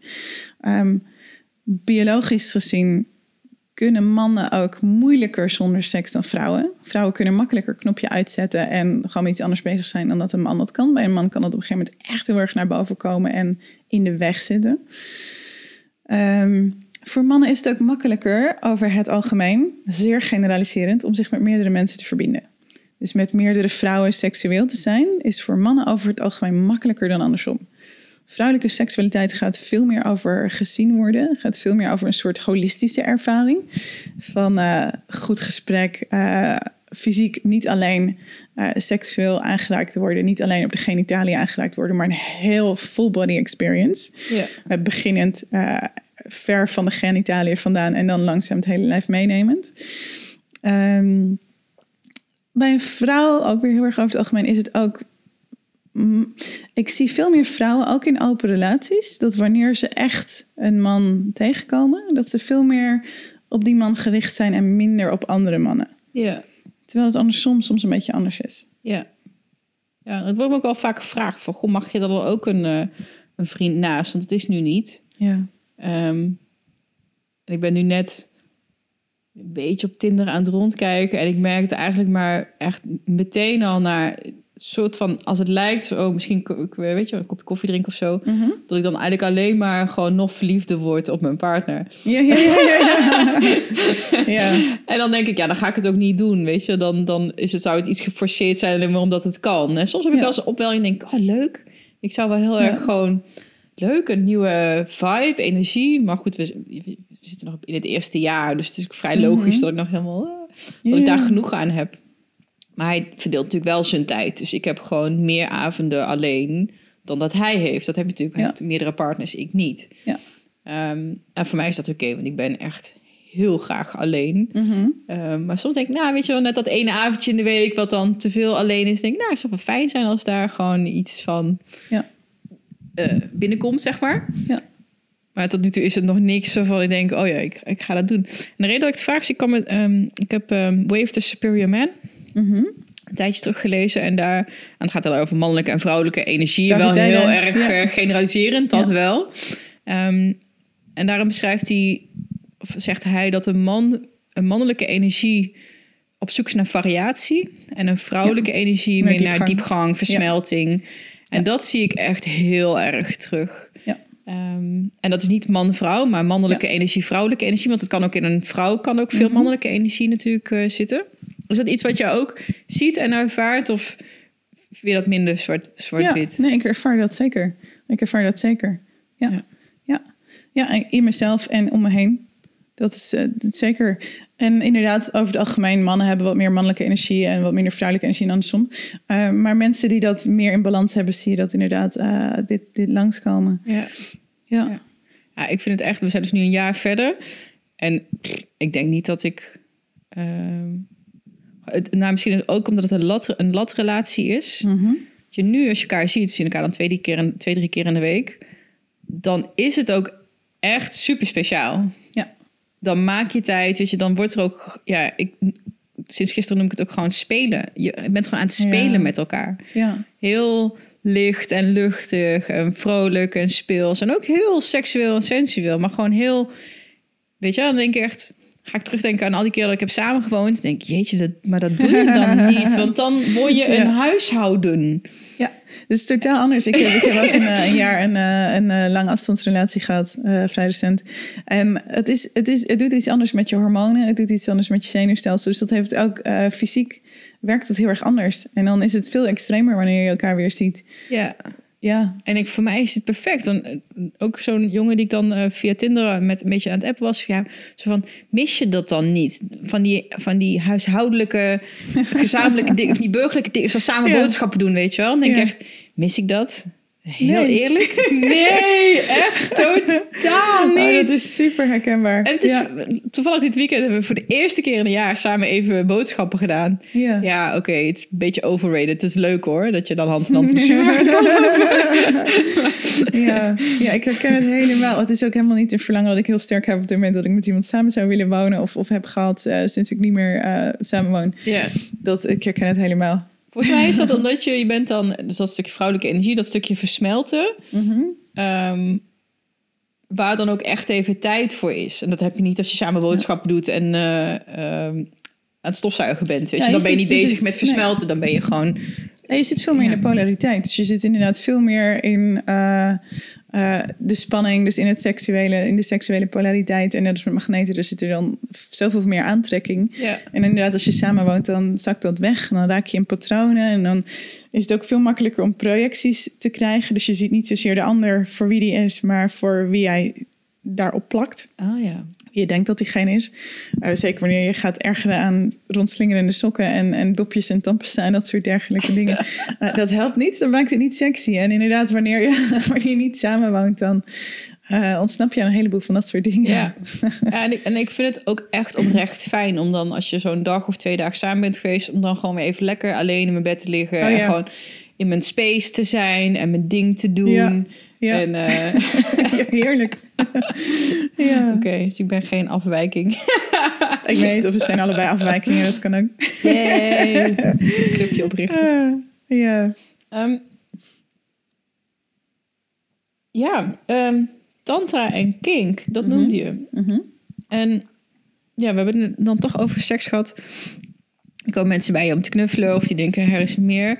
Ja. Wat is in jouw ogen eigenlijk het grootste gemis misschien? Of wat doen we fout in het... Nou, fout is het natuurlijk niet, maar in een soort van doorsnees ja. seksuele leven van mensen wat je tegenkomt. In het doorsnee seksuele Ja, leven. ik weet niet of dat doorsnee misschien is, maar...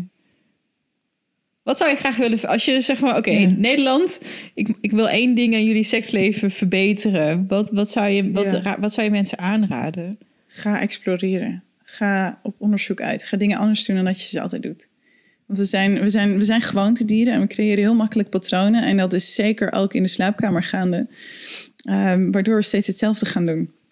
Zeker als je langer in een relatie zit, dan ga je zien dat op een gegeven moment heb je bepaalde gewoontes. Dat je vrij partijen op dezelfde momenten zijn, of dat ze op dezelfde manier zijn. En dat is dodelijk voor een relatie. Je ziet ook bijna altijd in langere relaties dat seksualiteit uitdooft na een tijdje. Hè? Dat komt doordat er dan minder, minder spanning is, dat het Ja. veiliger wordt. Hè? Esther Perel schrijft daar waanzinnig goede dingen over. Ehm, dus om het leuk te houden, of om het gewoon leuk te hebben, ook met jezelf, is doe eens dingen een keer anders. Neem, neem de tijd. Neem echt de tijd. Zet nooit een timer voor een uur of zo, of twee uur. Zet de kinderen voor een film. eh, eh, verzin iets. Neem de tijd en ga eens wat uitproberen.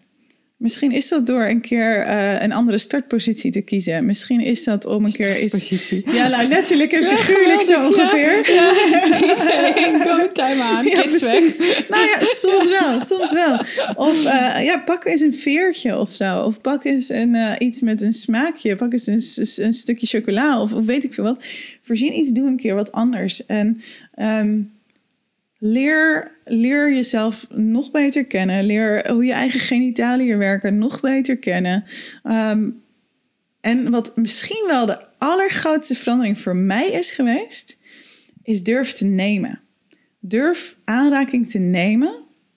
Daarmee bedoel ik, kan ik jou aanraken voor mijn plezier? Oh. En kan ik daar helemaal van genieten? Want wat we heel vaak doen, is dat we beide tegelijkertijd in een soort pleaser-modus zitten. Oh, jij raakt mij aan, dus dan moet ik jou ook een beetje aanraken. Oh, je raakt me nu iets meer aan, dus dan ga ik jou ook een beetje meer aanraken. Oh. En dan zit je allebei in je hoofd en je bent allebei niet echt iets aan het voelen. Dus ehm, een heel leuk spel kan zijn om heel duidelijk af te spreken. wie welke rol heeft. De een heeft een passieve rol en gaat alleen maar voelen. En de ander heeft een actieve rol en gaat iets doen. Of een aanraking voor jou, waar jij om vraagt. Of een aanraking voor mij, waarbij ik voor mijn plezier jou ga aanraken. En deze, iemand aanraken voor je eigen plezier, is er eentje waar heel veel angst en conditionering op zit. Maar wanneer je dat kan, verandert alles. Oké, ik heb het gevoel, want dat is... Ik meen het echt, grappig dat je het zegt.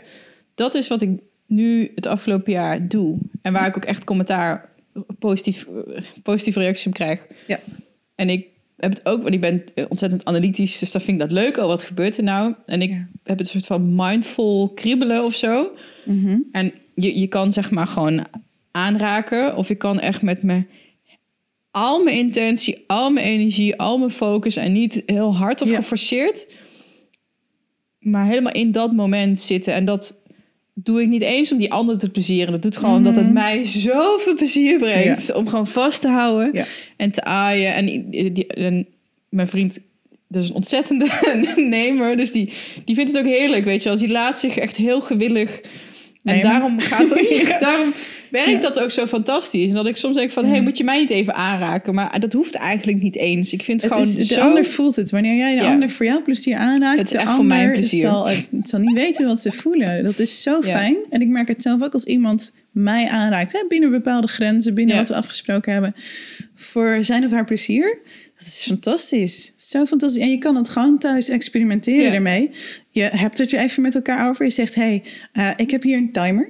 Mag ik voor de volgende vijf minuten jou aanraken voor mijn mijn, plezier. plezier? Jij hoeft alleen maar daar te liggen of te zitten of te staan. Eh, zeg maar of er plekken zijn waar je niet aangeraakt wil worden. Wil je je kleren Ja. aanhouden? Wil je je kleren uit? Je gaat verder niet zeggen wat jij wil, want dit is voor mijn plezier. Maar ik wil jouw grenzen weten. En dan zet je gewoon die timer aan. En dan ga je, voor zolang als je die timer zet, drie minuten, vijf minuten, half uur, voor jouw plezier diegene aanraken. En ook zo lang als dat die timer zegt. Want soms dan zijn we dan een minuut bezig en dan denk je van, oké, nou is het wel weer genoeg. Ja, het is heel verleidelijk om dan, als je, je moet er niet over nadenken. Nee. Van, oh, wat vindt die persoon hiervan? Nee. Of, want dit, dat is helemaal op gevoel. Ja, en je moet ook niet als je aangeraakt wordt, ook eigenlijk niet te veel feedback gaan geven. Want dan gaan we ook weer pleasen. Oh, dit, van, dit oh, vindt hij oh, leuk. Dan moet ik dan Oh, dat oh, maar ja, precies. ja. Eigenlijk gewoon zo stil mogelijk liggen. En dan voor jouw plezier aanraken. En wat kan helpen, want als ik dat doe bij een ander, wat ik dan wel eens doe, is echt kijken. Nou, oké, zie ik haartjes als ik iemands gezicht aanraak? Hoe, hoe zien die wenkbrauwen er nou precies uit? Ja. Welke kleur zijn die ogen? Hoe voelen die wenkbrauwen? Hoe voelen die wangen? Hoe voelen die lippen en die oren? En dan ga ik echt heel erg kijken en eh, dus weer terug naar die zintuigen, naar het hier en nu. Ja. En helemaal daar naartoe. En als soms misschien kom ik iets tegen van, oh, nou voel ik me ongemakkelijk. Misschien ben ik nu al wel heel lang aan het nemen. Nee, we hebben een afspraak gemaakt. Er staat gewoon een timer. Desnoods spreek je een, eh, een stopwoord af. Hè? Net als dat we in de kink doen. Dan heb je van die codewoorden, rood of weet ik veel, een of ander woord dat je niet zomaar gebruikt. Dat, dat, dat je dan ook aan jouw partner kan geven van, hey, als je een noodrem nodig hebt, als je het ineens helemaal niet meer prettig vindt, dan is dit het woord. En dan Ja. stoppen we. Dan Ja. stoppen we de timer. Maar als jij die niet zegt en zolang die timer loopt, ga ik nemen. Nou, en dat, dat is al fantastisch. Ja. En dan kun je, en dan, hè, dan gaat die timer en dan kun je daarna iets nieuws afspreken. Bijvoorbeeld als je het omdraait. Dat je de ander laat nemen voor zijn of haar plezier. Ik probeer het soms ook wel eens... maar- Als ik dan denk aan slaap bijvoorbeeld... dan merk ik ook dat heel mijn energie heel rustig wordt. Mhm. Dat ik iemand met, me, met mijn hand feitelijk zeg maar, in slaap kan laten vallen. Een beetje, Ja. dan wordt hij zo ontspannen. Ja. Dan voel je iemand zo wegglijden. Uh-huh. Dat is echt geweldig. Is van, oh ja, kom maar bij mij. Ja, ik denk zo zelfs misschien is wel omdat ik geen moeder ben. Omdat het ook wel een vrouwding is dat je zo belangeloos kan geven. ja. Dat je daar zelf zo ontzettend van geniet om te geven. ehm, dat dat daar misschien een beetje mee te maken heeft. Maar dat weet ik niet. Het is ook weer een rolpatroon. Ik ben natuurlijk wel een moeder. En het is voor mij ook heel makkelijk om in die moederrol te gaan met iemand. Maar het is niet sexy. Nee, het is niet dat het tijdens seks als moederrol voel. Maar ik probeer dan te analyseren Ja. van... waarom vind ik dat zo... Want ik was dat in vorige relaties eigenlijk minder. Maar je hebt natuurlijk altijd gewoon... Je hebt twee personen nodig. Ja. Dus bij ons is dat een soort van organisch... gewoon een hele goede match op dat vlak. Maar ehm, zo van... Hè, waar komt het nou vandaan, weet je wel? Omdat het ook zo bizar is. Ja, nou, bizar. Eigenlijk is het bizar dat het bizar is. Maar Ja. dat je... ehm, dat ik dat nu pas ontdek of, of Ja, maar dit heeft weer heel erg met die conditionering te maken. We moeten voor anderen zorgen, we mogen niet iets voor onszelf willen. En ehm, die conditionering moeten we doorbreken. En het heeft tijd nodig. En ik zeg wel eens voor processen, eh, soms zijn we net als goede whisky, weet je wel. Processen hebben jaren nodig in het vat. En dan op het goede moment komen ze wel naar boven. Ja. Dus als, nu, als je het nu iets leert waarvan je denkt, dit had ik jaren geleden al kunnen weten. Dan misschien wel helemaal niet. Nee. Dus het is goed, het is fijn dat het nu gebeurt. En wat ik, wat ik er ook ehm, gaaf aan vind om te merken, ook als ik toen ik dat jou zo hoorde omschrijven, hè, naar iemand kijken. Je moet tegelijkertijd jezelf heel erg opzij zetten daarin. Of je, je ego of je, je, je mind opzij zetten. Maar tegelijkertijd ook heel zelfverzekerd en heel gecentreerd zijn. Vooral dat zelfverzekerde volgens mij. En ik voel me nu in bepaalde mate comfortabel in mijn lichaam. Terwijl, ja, ik denk als ik dit lichaam 20 jaar geleden ook had gehad, had ik ook van nee, ik moet wel een beetje afvallen. Of weet je, je hebt, je hebt, Ja. dat is natuurlijk heel die conditionering van hoe een lijf er dan uit moet zien. Ik voel me nu super comfortabel. En juist omdat ik zo ontzettend comfortabel ben, kan, misschien is het dan daarom ook dat het nu. Dat je dan daar in ieder geval niet meer mee bezig bent. Misschien is dat wel gewoon. Wellicht, wellicht. Ja. En wat ook, wat, wat, wat, als we dan weer teruggaan naar intimiteit, hè, kan, hoe echt kan ik zijn met alles wat er is in dit moment? Uh, wat ook heel bevrijdend kan zijn, is op het moment dat je je niet zo lekker voelt over je lijf, of dat je nerveus bent, of wat dan ook, dat het er ook mag zijn. Dus dat je dat niet hoeft weg te stoppen en hoeft te doen alsof het er niet is, Ja. maar mee kan nemen en kan zeggen van, hé, hey, um, ik wil jou heel graag aanraken voor mijn plezier, ik wil dat oefenen, ik wil dat meemaken, en weet je, ik vind het hartstikke eng. Ja, Nou, benoem het. Ja dan is En doe het, toch. Weet je, en dan ga je juist naar die intimiteit. Ik heb zo vaak meegemaakt in, in seksualiteit dat ik iets echt heel erg eng vond, of dat de ander echt iets heel erg eng vond. En dat we het bespraken, of in het hele open relatieverhaal, dat we het bespraken. Van hé, hey, ik vind het spannend. Wat vind jij ervan? Ja, ik vind het ook hartstikke spannend. Is, in één keer, is het in één keer zijn we een stuk dichter bij elkaar? Of dat de ander zegt, ik vind het helemaal niet spannend, maar kan ik iets doen om je bij te staan? En dan zijn we ook dichter bij elkaar. Terwijl als we allebei het spannend vinden en we doen allebei alsof het niet zo is, dan creëer je eigenlijk alleen maar afstand en minder intimiteit. En minder vervulling in wat je dan ook maar gaat Ja. doen. En ook gewoon durven zeggen van, oh, ik vind dit spannend. Ja, of ik vind het helemaal niet leuk. Ja, ja, ja, ja. Dat kan ook nog. ja. Wat is, ehm, wat is het grootste obstakel wat je ziet bijvoorbeeld in zo'n, nou, meest laagdrempelig, zo'n knuffelworkshop, Mhm. los van tantra of kink. Ja. Wat, wat vinden mensen het moeilijkst om, om te veranderen? Mm, ik denk het moeilijkste is de overtuiging die heel veel mensen hebben dat er niemand op ze zit te wachten. Er zijn heel veel mensen die denken van, eh, ja, maar jij wil helemaal niet bij mij zijn. Dus weet je wat, ik ga maar niet. Er is vast niemand die met mij wil knuffelen. Dus er zit een beperkende overtuiging op eh, zichzelf verwelkomen. Ik denk dat dat het allergrootste is. Zowel in knuffelen als in kink, als in tantra, als in seksualiteit, als in relateren. Ik heb hem ook heel lang gehad. De overtuiging van ik ben vast tot last. Als ik er ben, dan ben ik vast, dan sta ik vast in de weg tussen de persoon eh, en degene waar die eigenlijk mee in contact wil. Dan sta ik er vast tussen. Dus weet je wat? Dan haal ik mezelf bij voorbaat vast hieruit. Ga ik maar gewoon helemaal niet. Of eh, ik ga staan afwachten aan de zijkant en ik zie wel of er iemand overblijft die dan naar mij toe komt. Die, die is, dat is degene die ik het meeste tegenkom in alles wat ik doe. Ja. En hoe ga je daar dan daarmee om? Is dat mensen een ander perspectief meegeven? Hoe, Ja. hoe weet je dat los? Zo'n, ja, het is natuurlijk, dat wordt natuurlijk door Ja. jaren geconditioneerd, dat snap ik ook. Dat dat niet met Ja, één keer. ja, oh, kijk nee. hier, zo is het. precies, precies. Het, het ligt heel erg aan wie het is en hoe je zich voelt in dat moment. Het kan, eh, over het algemeen ben ik van eh, de school van de compassie. Dus eh, alles wat niet compassie is, brengt je verder bij jezelf vandaan. Dus als ik, als ik me ongemakkelijk voel en ik zeg, god, ik voel me ongemakkelijk, dan ga ik er nog verder vandaan. En dan kan het zijn dat ik denk, jeetje, ik heb een oordeel over mezelf en dan voel ik me daar weer ongemakkelijk over. En dan ben je nog een laagje verder weg. Dus voor mij gaat alles over compassie met mezelf. Van oké, ik voel me ongemakkelijk. Hè, wat vervelend voor mezelf. En ach gos, ik ben gewoon een beetje bang. Nou, dus die compassie probeer ik mensen bij te brengen. Van hey, het is oké dat je dit nu voelt. Het is echt oké. Weet je, dit is een mechanisme wat je waarschijnlijk ooit je leven heeft gered. Die vroeger heeft het je geholpen eh, om niet in al te kwetsbare situaties terecht te komen als kind of als, als jongvolwassene, wanneer dat ook maar was. Dus kun je een dankbaarheid voelen nadat het systeem bestaat. En kun je dan van daaruit eh, zien dat het er is. En zien dat het eh, weliswaar een, een, een systeem is dat jou probeert te helpen, maar dat op een vrij onhandige manier doet. En eigenlijk jou precies weghaalt bij datgene waar je naar verlangt. Dus ik probeer mensen dat langzaam te laten inzien. En ze dan weer een keuze te geven. Van oké, je kan inderdaad, misschien, misschien is hier, als het dan over een knuffelworkshop gaat bijvoorbeeld, en iemand staat aan de kant en durft niet op iemand af te stappen. Soms is het inderdaad, misschien is dit genoeg. Dan zeg ik dat ook tegen iemand. Misschien is het genoeg om dit nu te voelen en hier aan de kant te staan met dit gevoel. En misschien heb je even iemand nodig. Ik heb altijd assistenten bij me. Misschien is het fijn om even vastgehouden te worden hierin. Uh, door iemand. Dat er iemand bij je aanwezig is terwijl jij met dit stuk innerlijke kind of innerlijke pijn uh, bent. En soms uh, zijn er mensen die ik zeg: hé hey joh, volgende ronde, hè? ga nou eens anders doen. Ja. Kun je wel weer gaan staan wachten? Denk je dan dat er iets anders gebeurt? Weet je, sommige mensen hebben even een, uh, even een liefdevol, uh, liefdevol aanmoediging, uh, aanmoediging een liefdevolle schop onder de billen nodig. Ja, ja. en, en dat is, dat is, dus, dat is elke, keer, elke keer verschillend.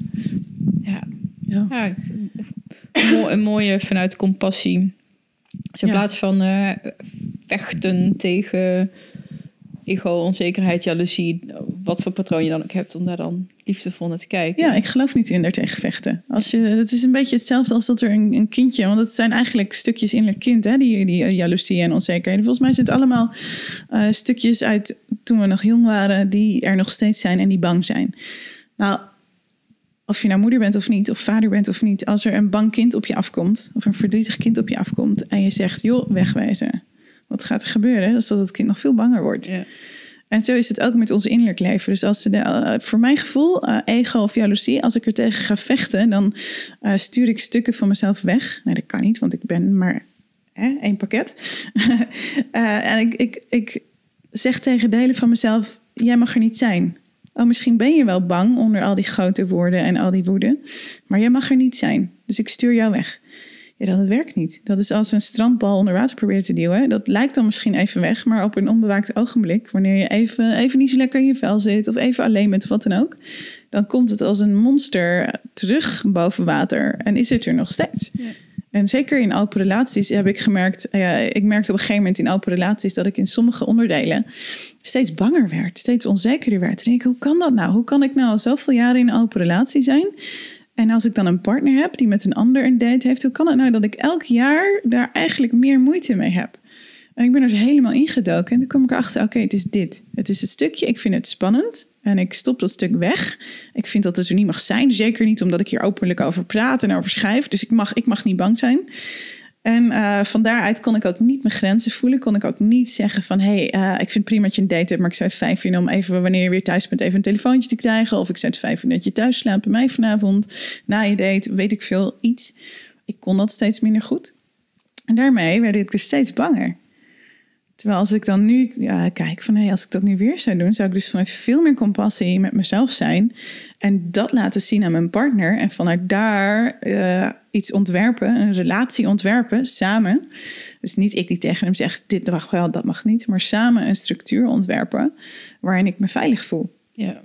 Want op het moment dat we dus, dus dat oordeel hebben en steeds verder bij onszelf gaan, dan gaan we, hè, dan als we dan weer terug gaan naar het zenuwstelsel, dan gaan we dus steeds meer in ons fight-flight systeem zitten. Ja, dat is die amygdala, dat is het limbische systeem, dat wat er allemaal in ons hoofd zit, dat gaat aan. En dat maakt dat we in onze overleefstrategie gaan. En dat kan uh, zijn hè, dat we boos worden, het kan zijn dat we gaan vechten, het kan zijn dat we gaan vluchten. Ja, ga maar joh, uh, doe maar wat je wil. Ja. Uh, en, en, en de ander laat gaan. vervolgens waarschijnlijk een hele heftige tijd met onszelf hebben. En dan is die partner weer terug. Dan kan het zijn dat we daarna een enorme opluchtingsreactie krijgen. Dat zie je ook in dieren, dat zie je ook in mensen. Als je net niet overreden bent door een auto en hij rijdt weer door, dan komt er daarna, na die adrenaline, na die angst, komt er daarna een hele grote opluchting, een hele grote blijheid. En uh, dat is in mijn beleving een terugveren van dat overlevingsmechanisme. En dat we vergissen ons er vaak in. Dus dit is wat ik vaak zie gebeuren: dat mensen dan die blijheid achteraf voelen en denken: hé, hey, nu ben ik er doorheen. Maar wat ze werkelijk doen, is niet: je bent niet ergens doorheen. Je hebt iets overleefd. Je hebt de reactie van het overleven. Maar eigenlijk heb je het een beetje moeilijker gemaakt voor jezelf. Want je hebt niet iets geleerd, je hebt alleen iets overleefd. En in een overlevingsstand kun je niet je comfortzone vergroten, kun je niet iets leren. Kun je niet een trauma of een oude angst helen. Je kan alleen maar overleven. Dat is het enige wat je doet op dat moment. Ja. Sterker nog, als je nog verder gaat, hè, dan kun je vanuit die fight-flight kun je ook in een freeze terechtkomen. Um, en daar ga je echt het stuk hertraumatisering in. Dus als je in een open relatie zit en je merkt van... hé, hey, ik vind nu iets moeilijker dan de vorige keer... is het heel goed om te kijken van... hé, hey, ben ik echt bij mijn grenzen gebleven? Of ben ik vanuit een of ander patroon uh, gaan pleasen of meegegaan? Vanuit een angst voor verlating bijvoorbeeld... net iets te veel meebewogen? Ja. Waardoor je het niet jezelf makkelijker gaat maken. Ah, ik ben nog volgens mij nog nooit in mijn leven een proces ingezeten... waar je continu zo bewust met je innerlijke leefwereld dit soort ja. observaties met jezelf aan het doen bent en aan het inchecken en wat gebeurt hier. En, Mhm. ehm, en ik hoor je dat dan zo zeggen en denk, oh, dit is zo'n fine line tussen. eh, het is continu Ja. bij jezelf te raden gaan. In welke toestand ben ik? Hoe voel ik me? Ja. Wat doet dit met me? En eh, ik geloof heel erg dat je jezelf ook echt wel kan hè, herprogrammeren Absoluut, ja. herconditioneren. Van Ja. oké, wat betekent liefde dan? Wat is dat dan? En dat wil niet zeggen dat ik soms in, in mijn oude patroon schiet of in mijn angst schiet. Mhm. Ehm, of dat ik soms heel bewust nodig heb om zeg maar mezelf weer terug te zetten eigenlijk. Ja. Het was heel fijn dat ik ook Jan Geurts hoorde dat hij soms maar even een half uurtje nodig had. ja, Als hij merkte dat hij boos werd. En ik, ah, Ja. ja. de lat hoeft niet zo hoog. En dat is ook zo van, hè, moet ik mezelf er dan overheen zetten of mezelf conditioneren? Maar dat doe je wel, maar dan op een hele liefdevolle, Ja. zachte, veilige manier. Ja. En niet vanuit het moet of ik wil. Of, Ja. eh, nou, wel ik wil, maar... ehm, Nou ja, dit is, weet je, hoe je jezelf kan veranderen, is dus door letterlijk nieuwe neurale paden in je hersenen aan te leggen. En dat doe je inderdaad als je het vergelijkt. De, de, de paden die je normaal neemt, dat is zeg maar de vijfbaan snelweg. Uh, zonder erbij na te denken, is dat het pad dat je neemt. Als je dingen op een gegeven moment anders wil gaan doen, en dat is zeker in open relaties het geval, is, zal je je uh, gedachtepatronen moeten veranderen. Heel veel van ons denken van oké, als een ander ook met een ander is, dan vinden ze mij niet meer leuk. Nou, oké, dan ga je erover nadenken, bewust denken van oké, dat is dus niet waar. Maar wanneer jouw liefde een date heeft, zal er iets in jouw systeem gebeuren. Nou, dan moeten we eigenlijk met een soort machete door de jungle een nieuw pad maken. Uh, en dan dat pad gaan gebruiken. Dus bewust tegen onszelf zeggen van oké, dit is niet, ik wil niet weer uh, mijn vijfbaan snelweg op. Ik wil nu een ander pad nemen. En zo je kan, hey, we hebben neuroplasticiteit, we kunnen onze hersenen aanpassen, we kunnen nieuwe neurale paden creëren. Maar dat heeft dus tijd nodig. Ja. Voordat die vijfbaan snelweg overwoekerd wordt en niet meer het standaard pad is. En dat, dat, dat paadje wat je met die machete hebt gehakt, dat dat wel jouw standaard, de nieuwe vijfbaan snelweg wordt. Is dus eerst een bewuste keuze voor nodig met compassie. Anders gaan we weer die overleefstrategieën ja. en dat werkt niet. En daarna herhaling, herhaling, herhaling, herhaling. En zo kun je jezelf, en dat, ik vind het mooi dat je zegt herconditioneren, want ik geloof er niet in dat we een conditionering, dat we zonder enige conditionering kunnen zijn. Ik geloof nee. er net alleen maar in dat je een andere, meer functionele conditionering ja. aan kunt gaan. Zo kun je jezelf veranderen inderdaad. Maar dat vraagt heel veel compassie, heel veel zelfkennis en herhaling. En niet alleen in open relaties, maar inderdaad, open relaties is een fantastische leerschool als, uh, als je op dat vlak wil leren. En het is ook echt bijzonder om te zien. Oké, okay, er was een andere sisterwife. Um, ze had een half jaar relatie, toen kwam ik in beeld. En dus dat gaat redelijk gelijk op. En wij zijn, hij is ook echt polyamoreus in dat opzicht. Wij zijn echt gelijken van elkaar. Inmiddels mm -hmm. ook in tijd die hij met ons beiden spendeert. Dat heeft best wel een jaar nodig gehad Mm. Voordat dat voor haar veilig genoeg voelde om dat een beetje los te laten. Want ze vond het heel erg spannend. Ja. Het is heel klassiek eigenlijk in dat uh, opzicht. Daar, dat is nu stabiel. En nu merk je dat hij gaat daten. Mm. En het is... Het, en dat is heel duidelijk van, oké, maar dit is gewoon puur voor de fun. Dit is geen, wil ik ook niet. Dat weten die vrouwen ja. ook. Dit is gewoon mijn, weet je wel, seksuele drive, exploratiezin. Weet je, mijn, ja. vindt hij fantastisch. En dat vind ik ook echt super leuk. Dat is ook de aantrekkingskracht geweest. Maar dat is, it's a whole other beast. Gewoon, toen ik denk van, wow, ik deel jou. Of nou, niet ik deel jou, want ik geloof niet in delen. Maar weet je wel, we zijn met z'n, er zijn twee vrouwen. Of ja, één, dus, en naast mij. Comple helemaal down, helemaal chill, alles helemaal oké. Okay. En dan komt er iets wat eigenlijk veel minder bedreigend mm -hmm, is. Mm -hmm. Nou, ik was zenuwachtig. ja. Maar meer op een goede manier. Alsof je iemand die je kent een wedstrijd moet gaan doen. Of weet je, en je bent voor oh, ja. die persoon zenuwachtig. Van oh, um, ja, dat denk ik echt zo raar. Je zou denken dat dat Zo van, oh, maar ik kan dit. Dit is veel moeilijker. Gewoon je levens, een andere levenspartner, zeg maar, naast jou. Ja. Terwijl iemand waarmee je eens een keer een leuke avond hebt, weet je, dat zou veel minder bedreigend moeten. Maar gewoon omdat een nieuw spel een ander spelletje was. Een ander patroon weer, andere conditionering, andere... Het is niet Vrouw. te voorspellen, hè? Wat, Nee, wat het is dan meer niet te maakt. voorspellen. Nee. En nu zijn er een paar dates geweest. Een paar andere dates dacht ik, oh, weet je, heel interessant wat er dan daarna gebeurt. Dan zag ik hem daarna weer voor de eerste keer bij mij. Was ik ook weer zenuwachtig. Ja. Zo van, oh, ik hoop dat je nog dezelfde bent. Ja. of zo. Heel raar. ja, dat is ook weer een stukje wat inderdaad veiligheid zoekt in die nieuwe situatie. En ook zo van, ja, dat zegt hij ook van, ja, je weet, ik kom gewoon altijd terug. En ik, we, we praten daar echt heel veel over. Ja, ik moet dit nu leren. Mijn, Mm. ik kan dit rationeel willen en sef- beseffen en snappen en echt weten. Maar mijn lijf moet nu een soort van ook doorhebben van, oh, Ja. maar tussen ons voelt het ook nog gewoon Ja. meer dan oké. Sterker nog, het wordt alleen maar sterker, leuker, vrijer, fijner. Precies, maar dit is een stuk dat je, je kan dat niet met alleen je hoofd. Nee. Je hebt er echt de fysieke ervaring van nodig, maar ook de ervaring via jouw lijf. Hè? We hebben ons hoofd, we hebben ons lijf en we hebben ons zenuwstelsel. En die hebben allemaal die imprint Ja. nodig. Dus echt de geleefde ervaring en niet alleen maar de woorden van de ander, maar onze eigen geleefde Ja. ervaring van ja. Dit is, dit is, het is ik ben nog steeds veilig. Het is nog steeds Ja. oké. het is En nog dat is- steeds fijn. Heel lijfelijk. Laatst zaten er Ja. vier dagen tussen en dan kan je vijf keer per dag bellen. Maar Ja. Het is dan toch pas weer echt oké op het moment dat je weer even een paar uurtjes bij elkaar bent bent, geweest. ja. Van, oh ja, nu Ja. ontspant mijn lijf en nu is het helemaal, eh, Ja. klikt het. Ja. Ik wilde nog wat over eh, kink vragen. Want dat lijkt een hele andere wereld dan. Knuffelworkshops en intimiteit. Wordt, er wordt door de buitenwereld vaak gezien als Ja. masochistisch en, en met pijn. En Ja. Ik weet inmiddels ook ja, dat dat... abusive en allemaal dat soort dingen. Ja, weet je, dat Ja. dat machtsmisbruik is. En dat mensen dat tegen hun Ja. zin doen. En dat dat... Het is een van de liefste gemeenschappen die ik ken. Er wordt Oh. mogelijk nog meer geknuffeld dan bij knuffelworkshops. Het is, nou ja, dat moet ook wel. Weet je, de kinkwereld zoals ik hem ken. En je hebt natuurlijk in elke wereld heb je mensen die er anders mee omgaan en die minder respectvol zijn. Maar de kinkwereld moet wel supergoed zijn in communicatie en in eh, grenzen en in respect. Want eh, het is een edge play. Je gaat, je gaat bezig met spannende dingen. Met, al is het met, eh, met, met machtsverhoudingen, al is het alleen maar met woorden. Eh, of inderdaad met, met, met impact. Dus met bijvoorbeeld vloggers of zweepjes of wat dan ook. Hoe, zei je dat als eerste? Vl- Vloggers? Vloggers, ja, dat zijn van die, van die zweepjes met al die friebels staan. Dus dat is zo'n handvat met allemaal van die Ah, oké. reepjes staan, zeg maar. Dat is een, een, een ander, een van mijn favoriete tools. Maar je bent dus ergens mee bezig waarin vertrouwen het hoogste goed is. Want je kan alleen maar een leuke scène, zo noem je dat dan, een leuke ervaring met iemand hebben, wanneer er vertrouwen is.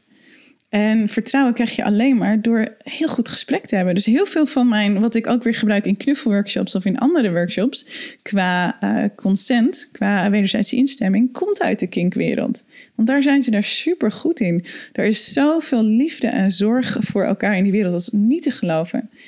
Omdat je het- anders alleen maar mensen aan het traumatiseren bent, Ja. lijkt me. Ja, Met, met natuurlijk, er zijn altijd je een paar mensen die bent, daar ja. in die wereld zitten... omdat ze zoveel kindtrauma hebben dat ze her willen herhalen. Dat ze alleen maar hè, zich geliefd voelen wanneer ze een kindtrauma herhalen. Maar het gros van de mensen is dat niet. Het gros van de mensen... eh, er zijn ook mensen die gewoon pijn heel lekker vinden... of het machtsspel heel lekker vinden. Ehm, waarom ik mijn eh, variant of de variant waar ik van hou conscious noem... is omdat ik het dus inzet voor persoonlijke groei. Ja. Dus wat gebeurt er? Ik vind van mezelf dat ik makkelijker in de submissive rol ga. Dus in de, de, de eh, leiding gegeven wordende rol ga. Oké, oké, hoe, hoe diep kan ik daar dan in zakken? En hoeveel vertrouwen kan ik hebben? Want ik heb een verleden met mensen over mijn grenzen laten gaan. Hoe goed kan ik hier dan dat communiceren? Hoeveel vertrouwen kan ik dan hebben? Ik ben heel lang heel bang geweest voor mannen. Eh, en voor mensen die de leiding over mijn naam, of nou man of vrouw zijn kan ik daar mezelf, wat je net al zei, een fysieke ervaring geven waarin ik dat vertrouwen voel, dat ik dat dus kan hebben. Maar ook, eh, wat nou als ik mezelf in de leidinggevende rol stap, zet? Wat nou als ik daar ga oefenen? En dat heeft mij ontzettend veel geleerd, ook over workshops geven en dergelijke. Eh, want ineens is er iemand die vertrouwt dat ik leiding neem. Oh god, help, dan moet ik ineens gaan verzinnen wat we gaan doen. Nou, dat kon ik eerst helemaal niet. Ja. En door mezelf die uitnodiging te geven van nou, dan ga ik juist met die kant ook spelen, ben ik een veel zelfverzekerder persoon geworden. Dus ik gebruik het net als open relaties als een soort speelveld, als een soort laboratorium, een onderzoeksruimte van wat gebeurt er als ik dit er nou instop, wat komt er dan uit? Hm. Wat gebeurt er met mij wanneer ik dit doe? Ja, dus dat is, dat, is, dat is waarom ik het inzet. Dat is waarom ik het ook leuk vind om daarmee te, te werken. En ook mensen eh, daarmee laat spelen. Om, eh, er zit zoveel empowerment. Dus de kracht in mezelf voelen. eh, er zit zoveel mogelijkheden daartoe in, in kink. Ja. Dus het gaat voor mij niet over pijn en geen oordeel overigens naar mensen. Er zijn mensen bij wie de eh, fysiek pijnreceptoren en plezierreceptoren heel erg aan elkaar verbonden zijn. Dus er zijn mensen die gewoon echt plezier voelen, seksueel plezier of fysiek plezier voelen in pijn ontvangen. Nou ja, prima. Er zijn mensen die eh, plezier voelen in pijn geven. Nou, dan heb ik liever dat mensen dat op zo'n manier in een eh, consensuele setting met elkaar uitleven. Dan dat je, eh, hoe noem je dat, ongemerkt, ongemerkt, wat is die term ook alweer? Dat je onder, onder tafel gemeen gaat lopen doen naar je partner bijvoorbeeld. Ja, ja, ik snap wat je bedoelt. Ik weet, Ja. het, ik weet het even niet. Ah, ik heb ooit een fotoshoot gedaan. En toen je zei van, hè, er is zoveel liefde in die wereld. Ik weet niet of ik dat in de podcast met Kim Holland ook al heb verteld. Maar ehm, dat was een totaal andere shoot. Maar dat was bij het, in het Fetish Café in Antwerpen. Mhm. Het is een heel bekend café in de Fetish BDSM eh, wereld. Een kelder, zo'n mooi gewelfd eh, plafond. Met allerlei speelhoekjes, met een rat en nou, whatever Mhm. Ik was daar gewoon voor een fotoshoot, maar ik moest heel lang wachten. Die man was heel lang bezig met het klaarzetten van het licht en het Oh ja. doormeten. En dan moest visagie komen. Dus het duurde heel lang. Dus ik zat in dat. Je, dan, je hebt dan zeg maar het, de kelder en het café-deel. Dus ik zat in het café-deel en hing van alles natuurlijk aan de muur. En er lagen allemaal Ja. tijdschriften. Dus ik had even tijd om om me heen te kijken en te lezen. Mhm. En ik was echt zo ontzettend gefascineerd door wat ik las. Mm. En ook door, eh, eigenlijk precies wat jij zei, de, de connecties die mensen met elkaar aangingen. En de, de heel extreem, bijvoorbeeld, er hing een, eh, een contract aan de muur. En volgens mij was dat de uitbater met zijn vrouw. Dat zij haar ziel en zaligheid aan hem Mm. op contractbasis, zeg maar, overdroeg. En je gaat dan, eh, er waren wat verhaaltjes en van die fetish tijdschriften. Dus dat zo'n vrouw bijvoorbeeld een opdracht kreeg. Ik noem wat, ze zat in de auto en zat een rokje, geen slipje. Maar zo van, eh, ga sigaretten voor me halen of eh, weet ik veel, ga betalen of een snoepje halen. Niemand ziet dat je geen onderbroek aan hebt. Maar het feit dat zij iets doet in opdracht van hem, Ja. dat vond ze helemaal Ja. geweldig. En dat die... de- ja, het klinkt misschien heel gek, maar dat daar zijpelde zoveel liefde uit door Mm. en vertrouwen. En dat dan samen doen, zeg maar. En veiligheid. Dat ik echt wauw, dit is helemaal Ja. niet wat ik ervan gedacht had. Het heeft niks te maken met onderdrukken of mensen iets laten doen tegen hun zin. Maar juist, Ja. ah, ja, ik vond het echt... ehm, Ja, nou, die, die variant die heb je wel hoor. Ja. Maar er wel onderdrukking en zo. is. Maar dat heb je in, in alle, alle dingen die er zijn. Zijn er eh misschien was het mooie kanten en de de mate van versmelting die ik erin zag. Mm. Misschien tussen twee personen, denk ik. Ja. Ah, maar ik wilde er eigenlijk iets anders over. eh, Maar het elkaar meenemen op een, eh, op een reis en el- inderdaad elkaar iets moois willen geven. Dus, dus inderdaad, als ik iemand domineer, dan gaat het erover dat ik iemand eigenlijk groter laat worden dan dat hij al is. Dus iemand een ervaring meegeef waar, eh, waar ze echt wat mee kunnen. Waar ze eh, zichzelf tegenkomen. Net als dat je bijvoorbeeld ayahuasca kan doen. Nou, zo'n soort ervaring, anders, maar zo'n soort ervaring kun je als submissive ook krijgen. Waarin je ineens inzichten krijgt over jezelf. Omdat je in een soort trance raakt. Uh, of dat je oud trauma, je kan trauma helen via kink. Ja, ja dat, dat hoorde ik jou net zeggen. Je zei ehm, dat je een, een traumatische ervaring als kind herbeleeft, omdat dat de enige moment is waarop je jezelf geliefd voelde. Dus, dus dan is het. Mm. ehm, vind ik heel interessant. Kan je dat misschien eens wat verder. Ja, dat zijn, er zijn, er zijn Niet, niet per se dat dat in kink is, maar ook Ja, ja, ja. gewoon mensen die vast kunnen zitten in een bepaald patroon. ja, wat, daar, wat daarin het g- gaande is, is dat we als kind dan op een bepaalde manier liefde hebben ontvangen Ja. van onze ouders of de mensen om ons heen. En dat het in ons systeem de enige manier is waarop we denken dat liefde werkt. En dat is vaak onbewust. Dus dat is niet dat ik denk van, oh, uh, mijn ouders schreeuwden tegen me. Dus weet je wat, ik ga nu een partner zoeken die tegen me schreeuwt. Ja, nee, bijvoorbeeld- maar dat spelen we vaak Ja. wel uit. Een moeder die minder bereikbaar was. Of een Precies. vader die heel druk met werken was. Precies. En dan kiezen we precies zo'n partner uit. Ja. Ook al lijkt hij helemaal niet op onze ouders, maar uiteindelijk blijkt deze persoon, deze partner weer precies dat patroon uh, uit te leven. Dus daarbij, ik heb bij mezelf ook dergelijke patronen herkend. Waarbij mijn patroon is, of mijn overtuiging is, is dat dit is hoe liefde werkt. Liefde betekent dat iemand er niet voor me is. Of liefde betekent dat iemand tegen me schreeuwt. Of zelfs liefde betekent dat iemand me slaat. Want dat is wat vroeger ook zo gebeurde. En werd genegeerd. of, ja. ja, op een of andere manier. En hoe, dat precies, hoe we dat precies doorhebben, het is, het is volgens mij niet eens uit te leggen. Maar we weten feilloos die personen eruit te pikken. Daar voelen we een aantrekking toe. Die dat herproduceren. Ja. Dus op het moment dat je niet meer een relatie wil die een herhaling is van wat je vroeger als kind meemaakte, op wat voor vlakken, en dit zijn een paar extremere voorbeelden, maar het kan heel subtiel ook zijn, en dan hebben we het nodig om onszelf te leren kennen en onszelf te herprogrammeren. Ja. En ja, en in de kinkwereld is dat een vrij extreem voorbeeld waarin je dat ook wel tegenkomt, maar het gebeurt, het gebeurt constant. Nee, het gebeurt overal. continu. Volgens mij gewoon... Ja. Ja. Ja. interessant. Ik, heb, ik dacht in het begin steeds van... Oh, ben ik nu niet eh, iets aan het reproduceren, zeg maar, van mijn kinds eh, trauma's? Want we hebben natuurlijk Mhm. allemaal gewoon, groot Oh ja. of klein. Absoluut. Maar ik begin steeds meer... Volgens mij juist niet. Want voor mij is dit een experiment. Ik ben nu een jaar dan zeg maar open. Ja. iets korter. Ik, dit was juist mijn wens om niet weer te vervallen in waar ik tot nu toe steeds in zat. Ja. In plaats van mensen zeggen, dus dat het juist een positieve herconditionering is van wat liefde zou kunnen zijn. Terwijl heel veel mensen Ja. denken, ja, maar je neemt genoegen met minder. Denk, nee, ik neem genoegen met meer. Ja, exact. Voor mij voelt het nu zo. Ja, exact. Ehm, ja. Oh, Mooi. Heel mooi. Grappig. Ja, zo zie ik hem ook hoor. Ja, Als een, eh, weer als een groot laboratorium, als een Ja. soort speelveld. Dat vind ik ook heel fijn om mijn leven en, en alles als een soort heel groot experiment te zien. En, en dingen te durven proberen. En ze durven proberen anders te doen. En als het niet bevalt, nou, dan heb ik ook wat geleerd. En dat is even goed in uitkomst als wanneer ik iets doe wat wel bevalt. Hè? Dus niet het ene is voor mij Ja. niet beter dan het ander. Eh, de, de, de, de opvolgende actie kan, eh, zal verschillen. Oh, ik ga dit niet nog een keer doen. Oh, ik wil meer van dit. ja. Maar het is beide goede informatie. En, en zeker eh, relaties zijn een fantastische plek om daar... en intimiteit in de breedste zin zijn fantastische plekken... om daar heel bewust mee gaan bezig zijn. Ja. Zo heb ik het echt ingekleed vanaf de eerste dag. Oké, dus een experiment. Ja. Want ik heb tien relaties gehad, wel meer, maar vijf keer echt samen gewoond, samen gewoond. Ja, dat is hem, dat is het hem niet. Weet je, daar word ik niet. Dat dooft uit, dat wordt saai. Weet je, daar, daar word ik onrustig van. Ja. Zit ik vast. Ik denk, nou, eens kijken wat dit, wat dit is. Ja. Ik denk, oh, ik heb me nog nooit zo lekker gevoeld ja.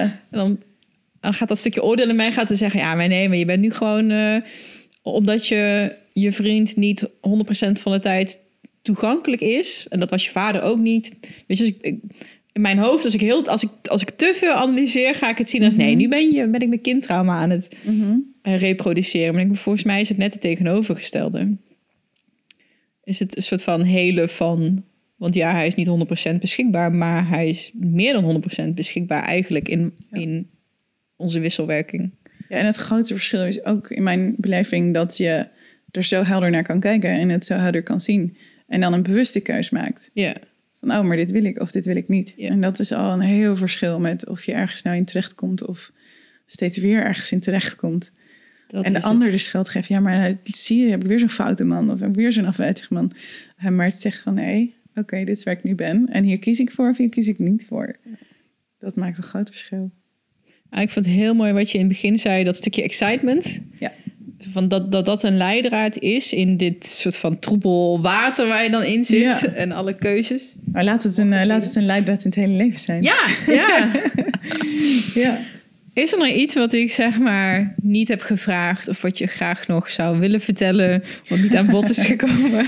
Oh, ik kan uren doorpraten Ja. over dit soort Ik dingen. ik-. Dit is heerlijk. Ja, uren en Hobby van de uren. poly, polyamoristes, praten. Precies, dus Praten altijd met iedereen. Dingen. Nou, ik denk dat dit een hele mooie is om, eh, om zo, om, om, om zo mee af te ronden, dat, dat gevoel van excitement is het belangrijkste. Wat, het ook, wat, het, wat, wat je keuze ook is, of het nou over intimiteit of over je baan gaat, of over waar je wilt wonen of wat dan ook gaat, om te leren hoe excitement in jouw lijf voelt. En daar dat in elk geval heel erg mee te laten nemen in de keuzes die je maakt. Ja, prachtig. Dankjewel. Waar kunnen mensen meer over jou vinden? Want je geeft nog steeds knuffelworkshops. Ja. we hebben het helemaal niet echt super uitgebreid over de kink en de BDSM en de play maakt gehad. Uit, maar... maakt niet uit. Ik doe, ik doe inderdaad, ik geef allerlei workshops en sessies. En dat is allemaal te vinden op exploringdeeper.com. Waar ook de artikelen... Ja, daar staat ook mijn blog met een meer dan 200 artikelen inmiddels, Oh. eh, als het er niet al nog meer zijn, over seksualiteit, over non-monogamie, over eh, onzekerheden, angsten. De emotionele Alles. en spirituele voordelen van dieptroten. Ja, nou, die mogen ze mogen vond ik echt- zelf lezen. Prachtige blog trouwens. Ik, ik had echt zoiets van... Oh, maar dit gaan we vanavond doen. Ja, ja, ja, ja, ja, zo van, wauw, dat je dat echt zo als middel in kan zetten. Als soort van surrender, overgave. Ja, prachtig. Ja, Echt prachtig. ja, en ook over kink, dus dat is, dus, is van alles te vinden. Uh, exploringdeeper.com. En eh, als Wilrike Sophia sta ik op alle sociale media. Ik ben heel makkelijk te vinden. Ja, ik ga ze ook eh, in de show notes eh, eh, opnemen. Dus de linkjes. Fantastisch. Dankjewel.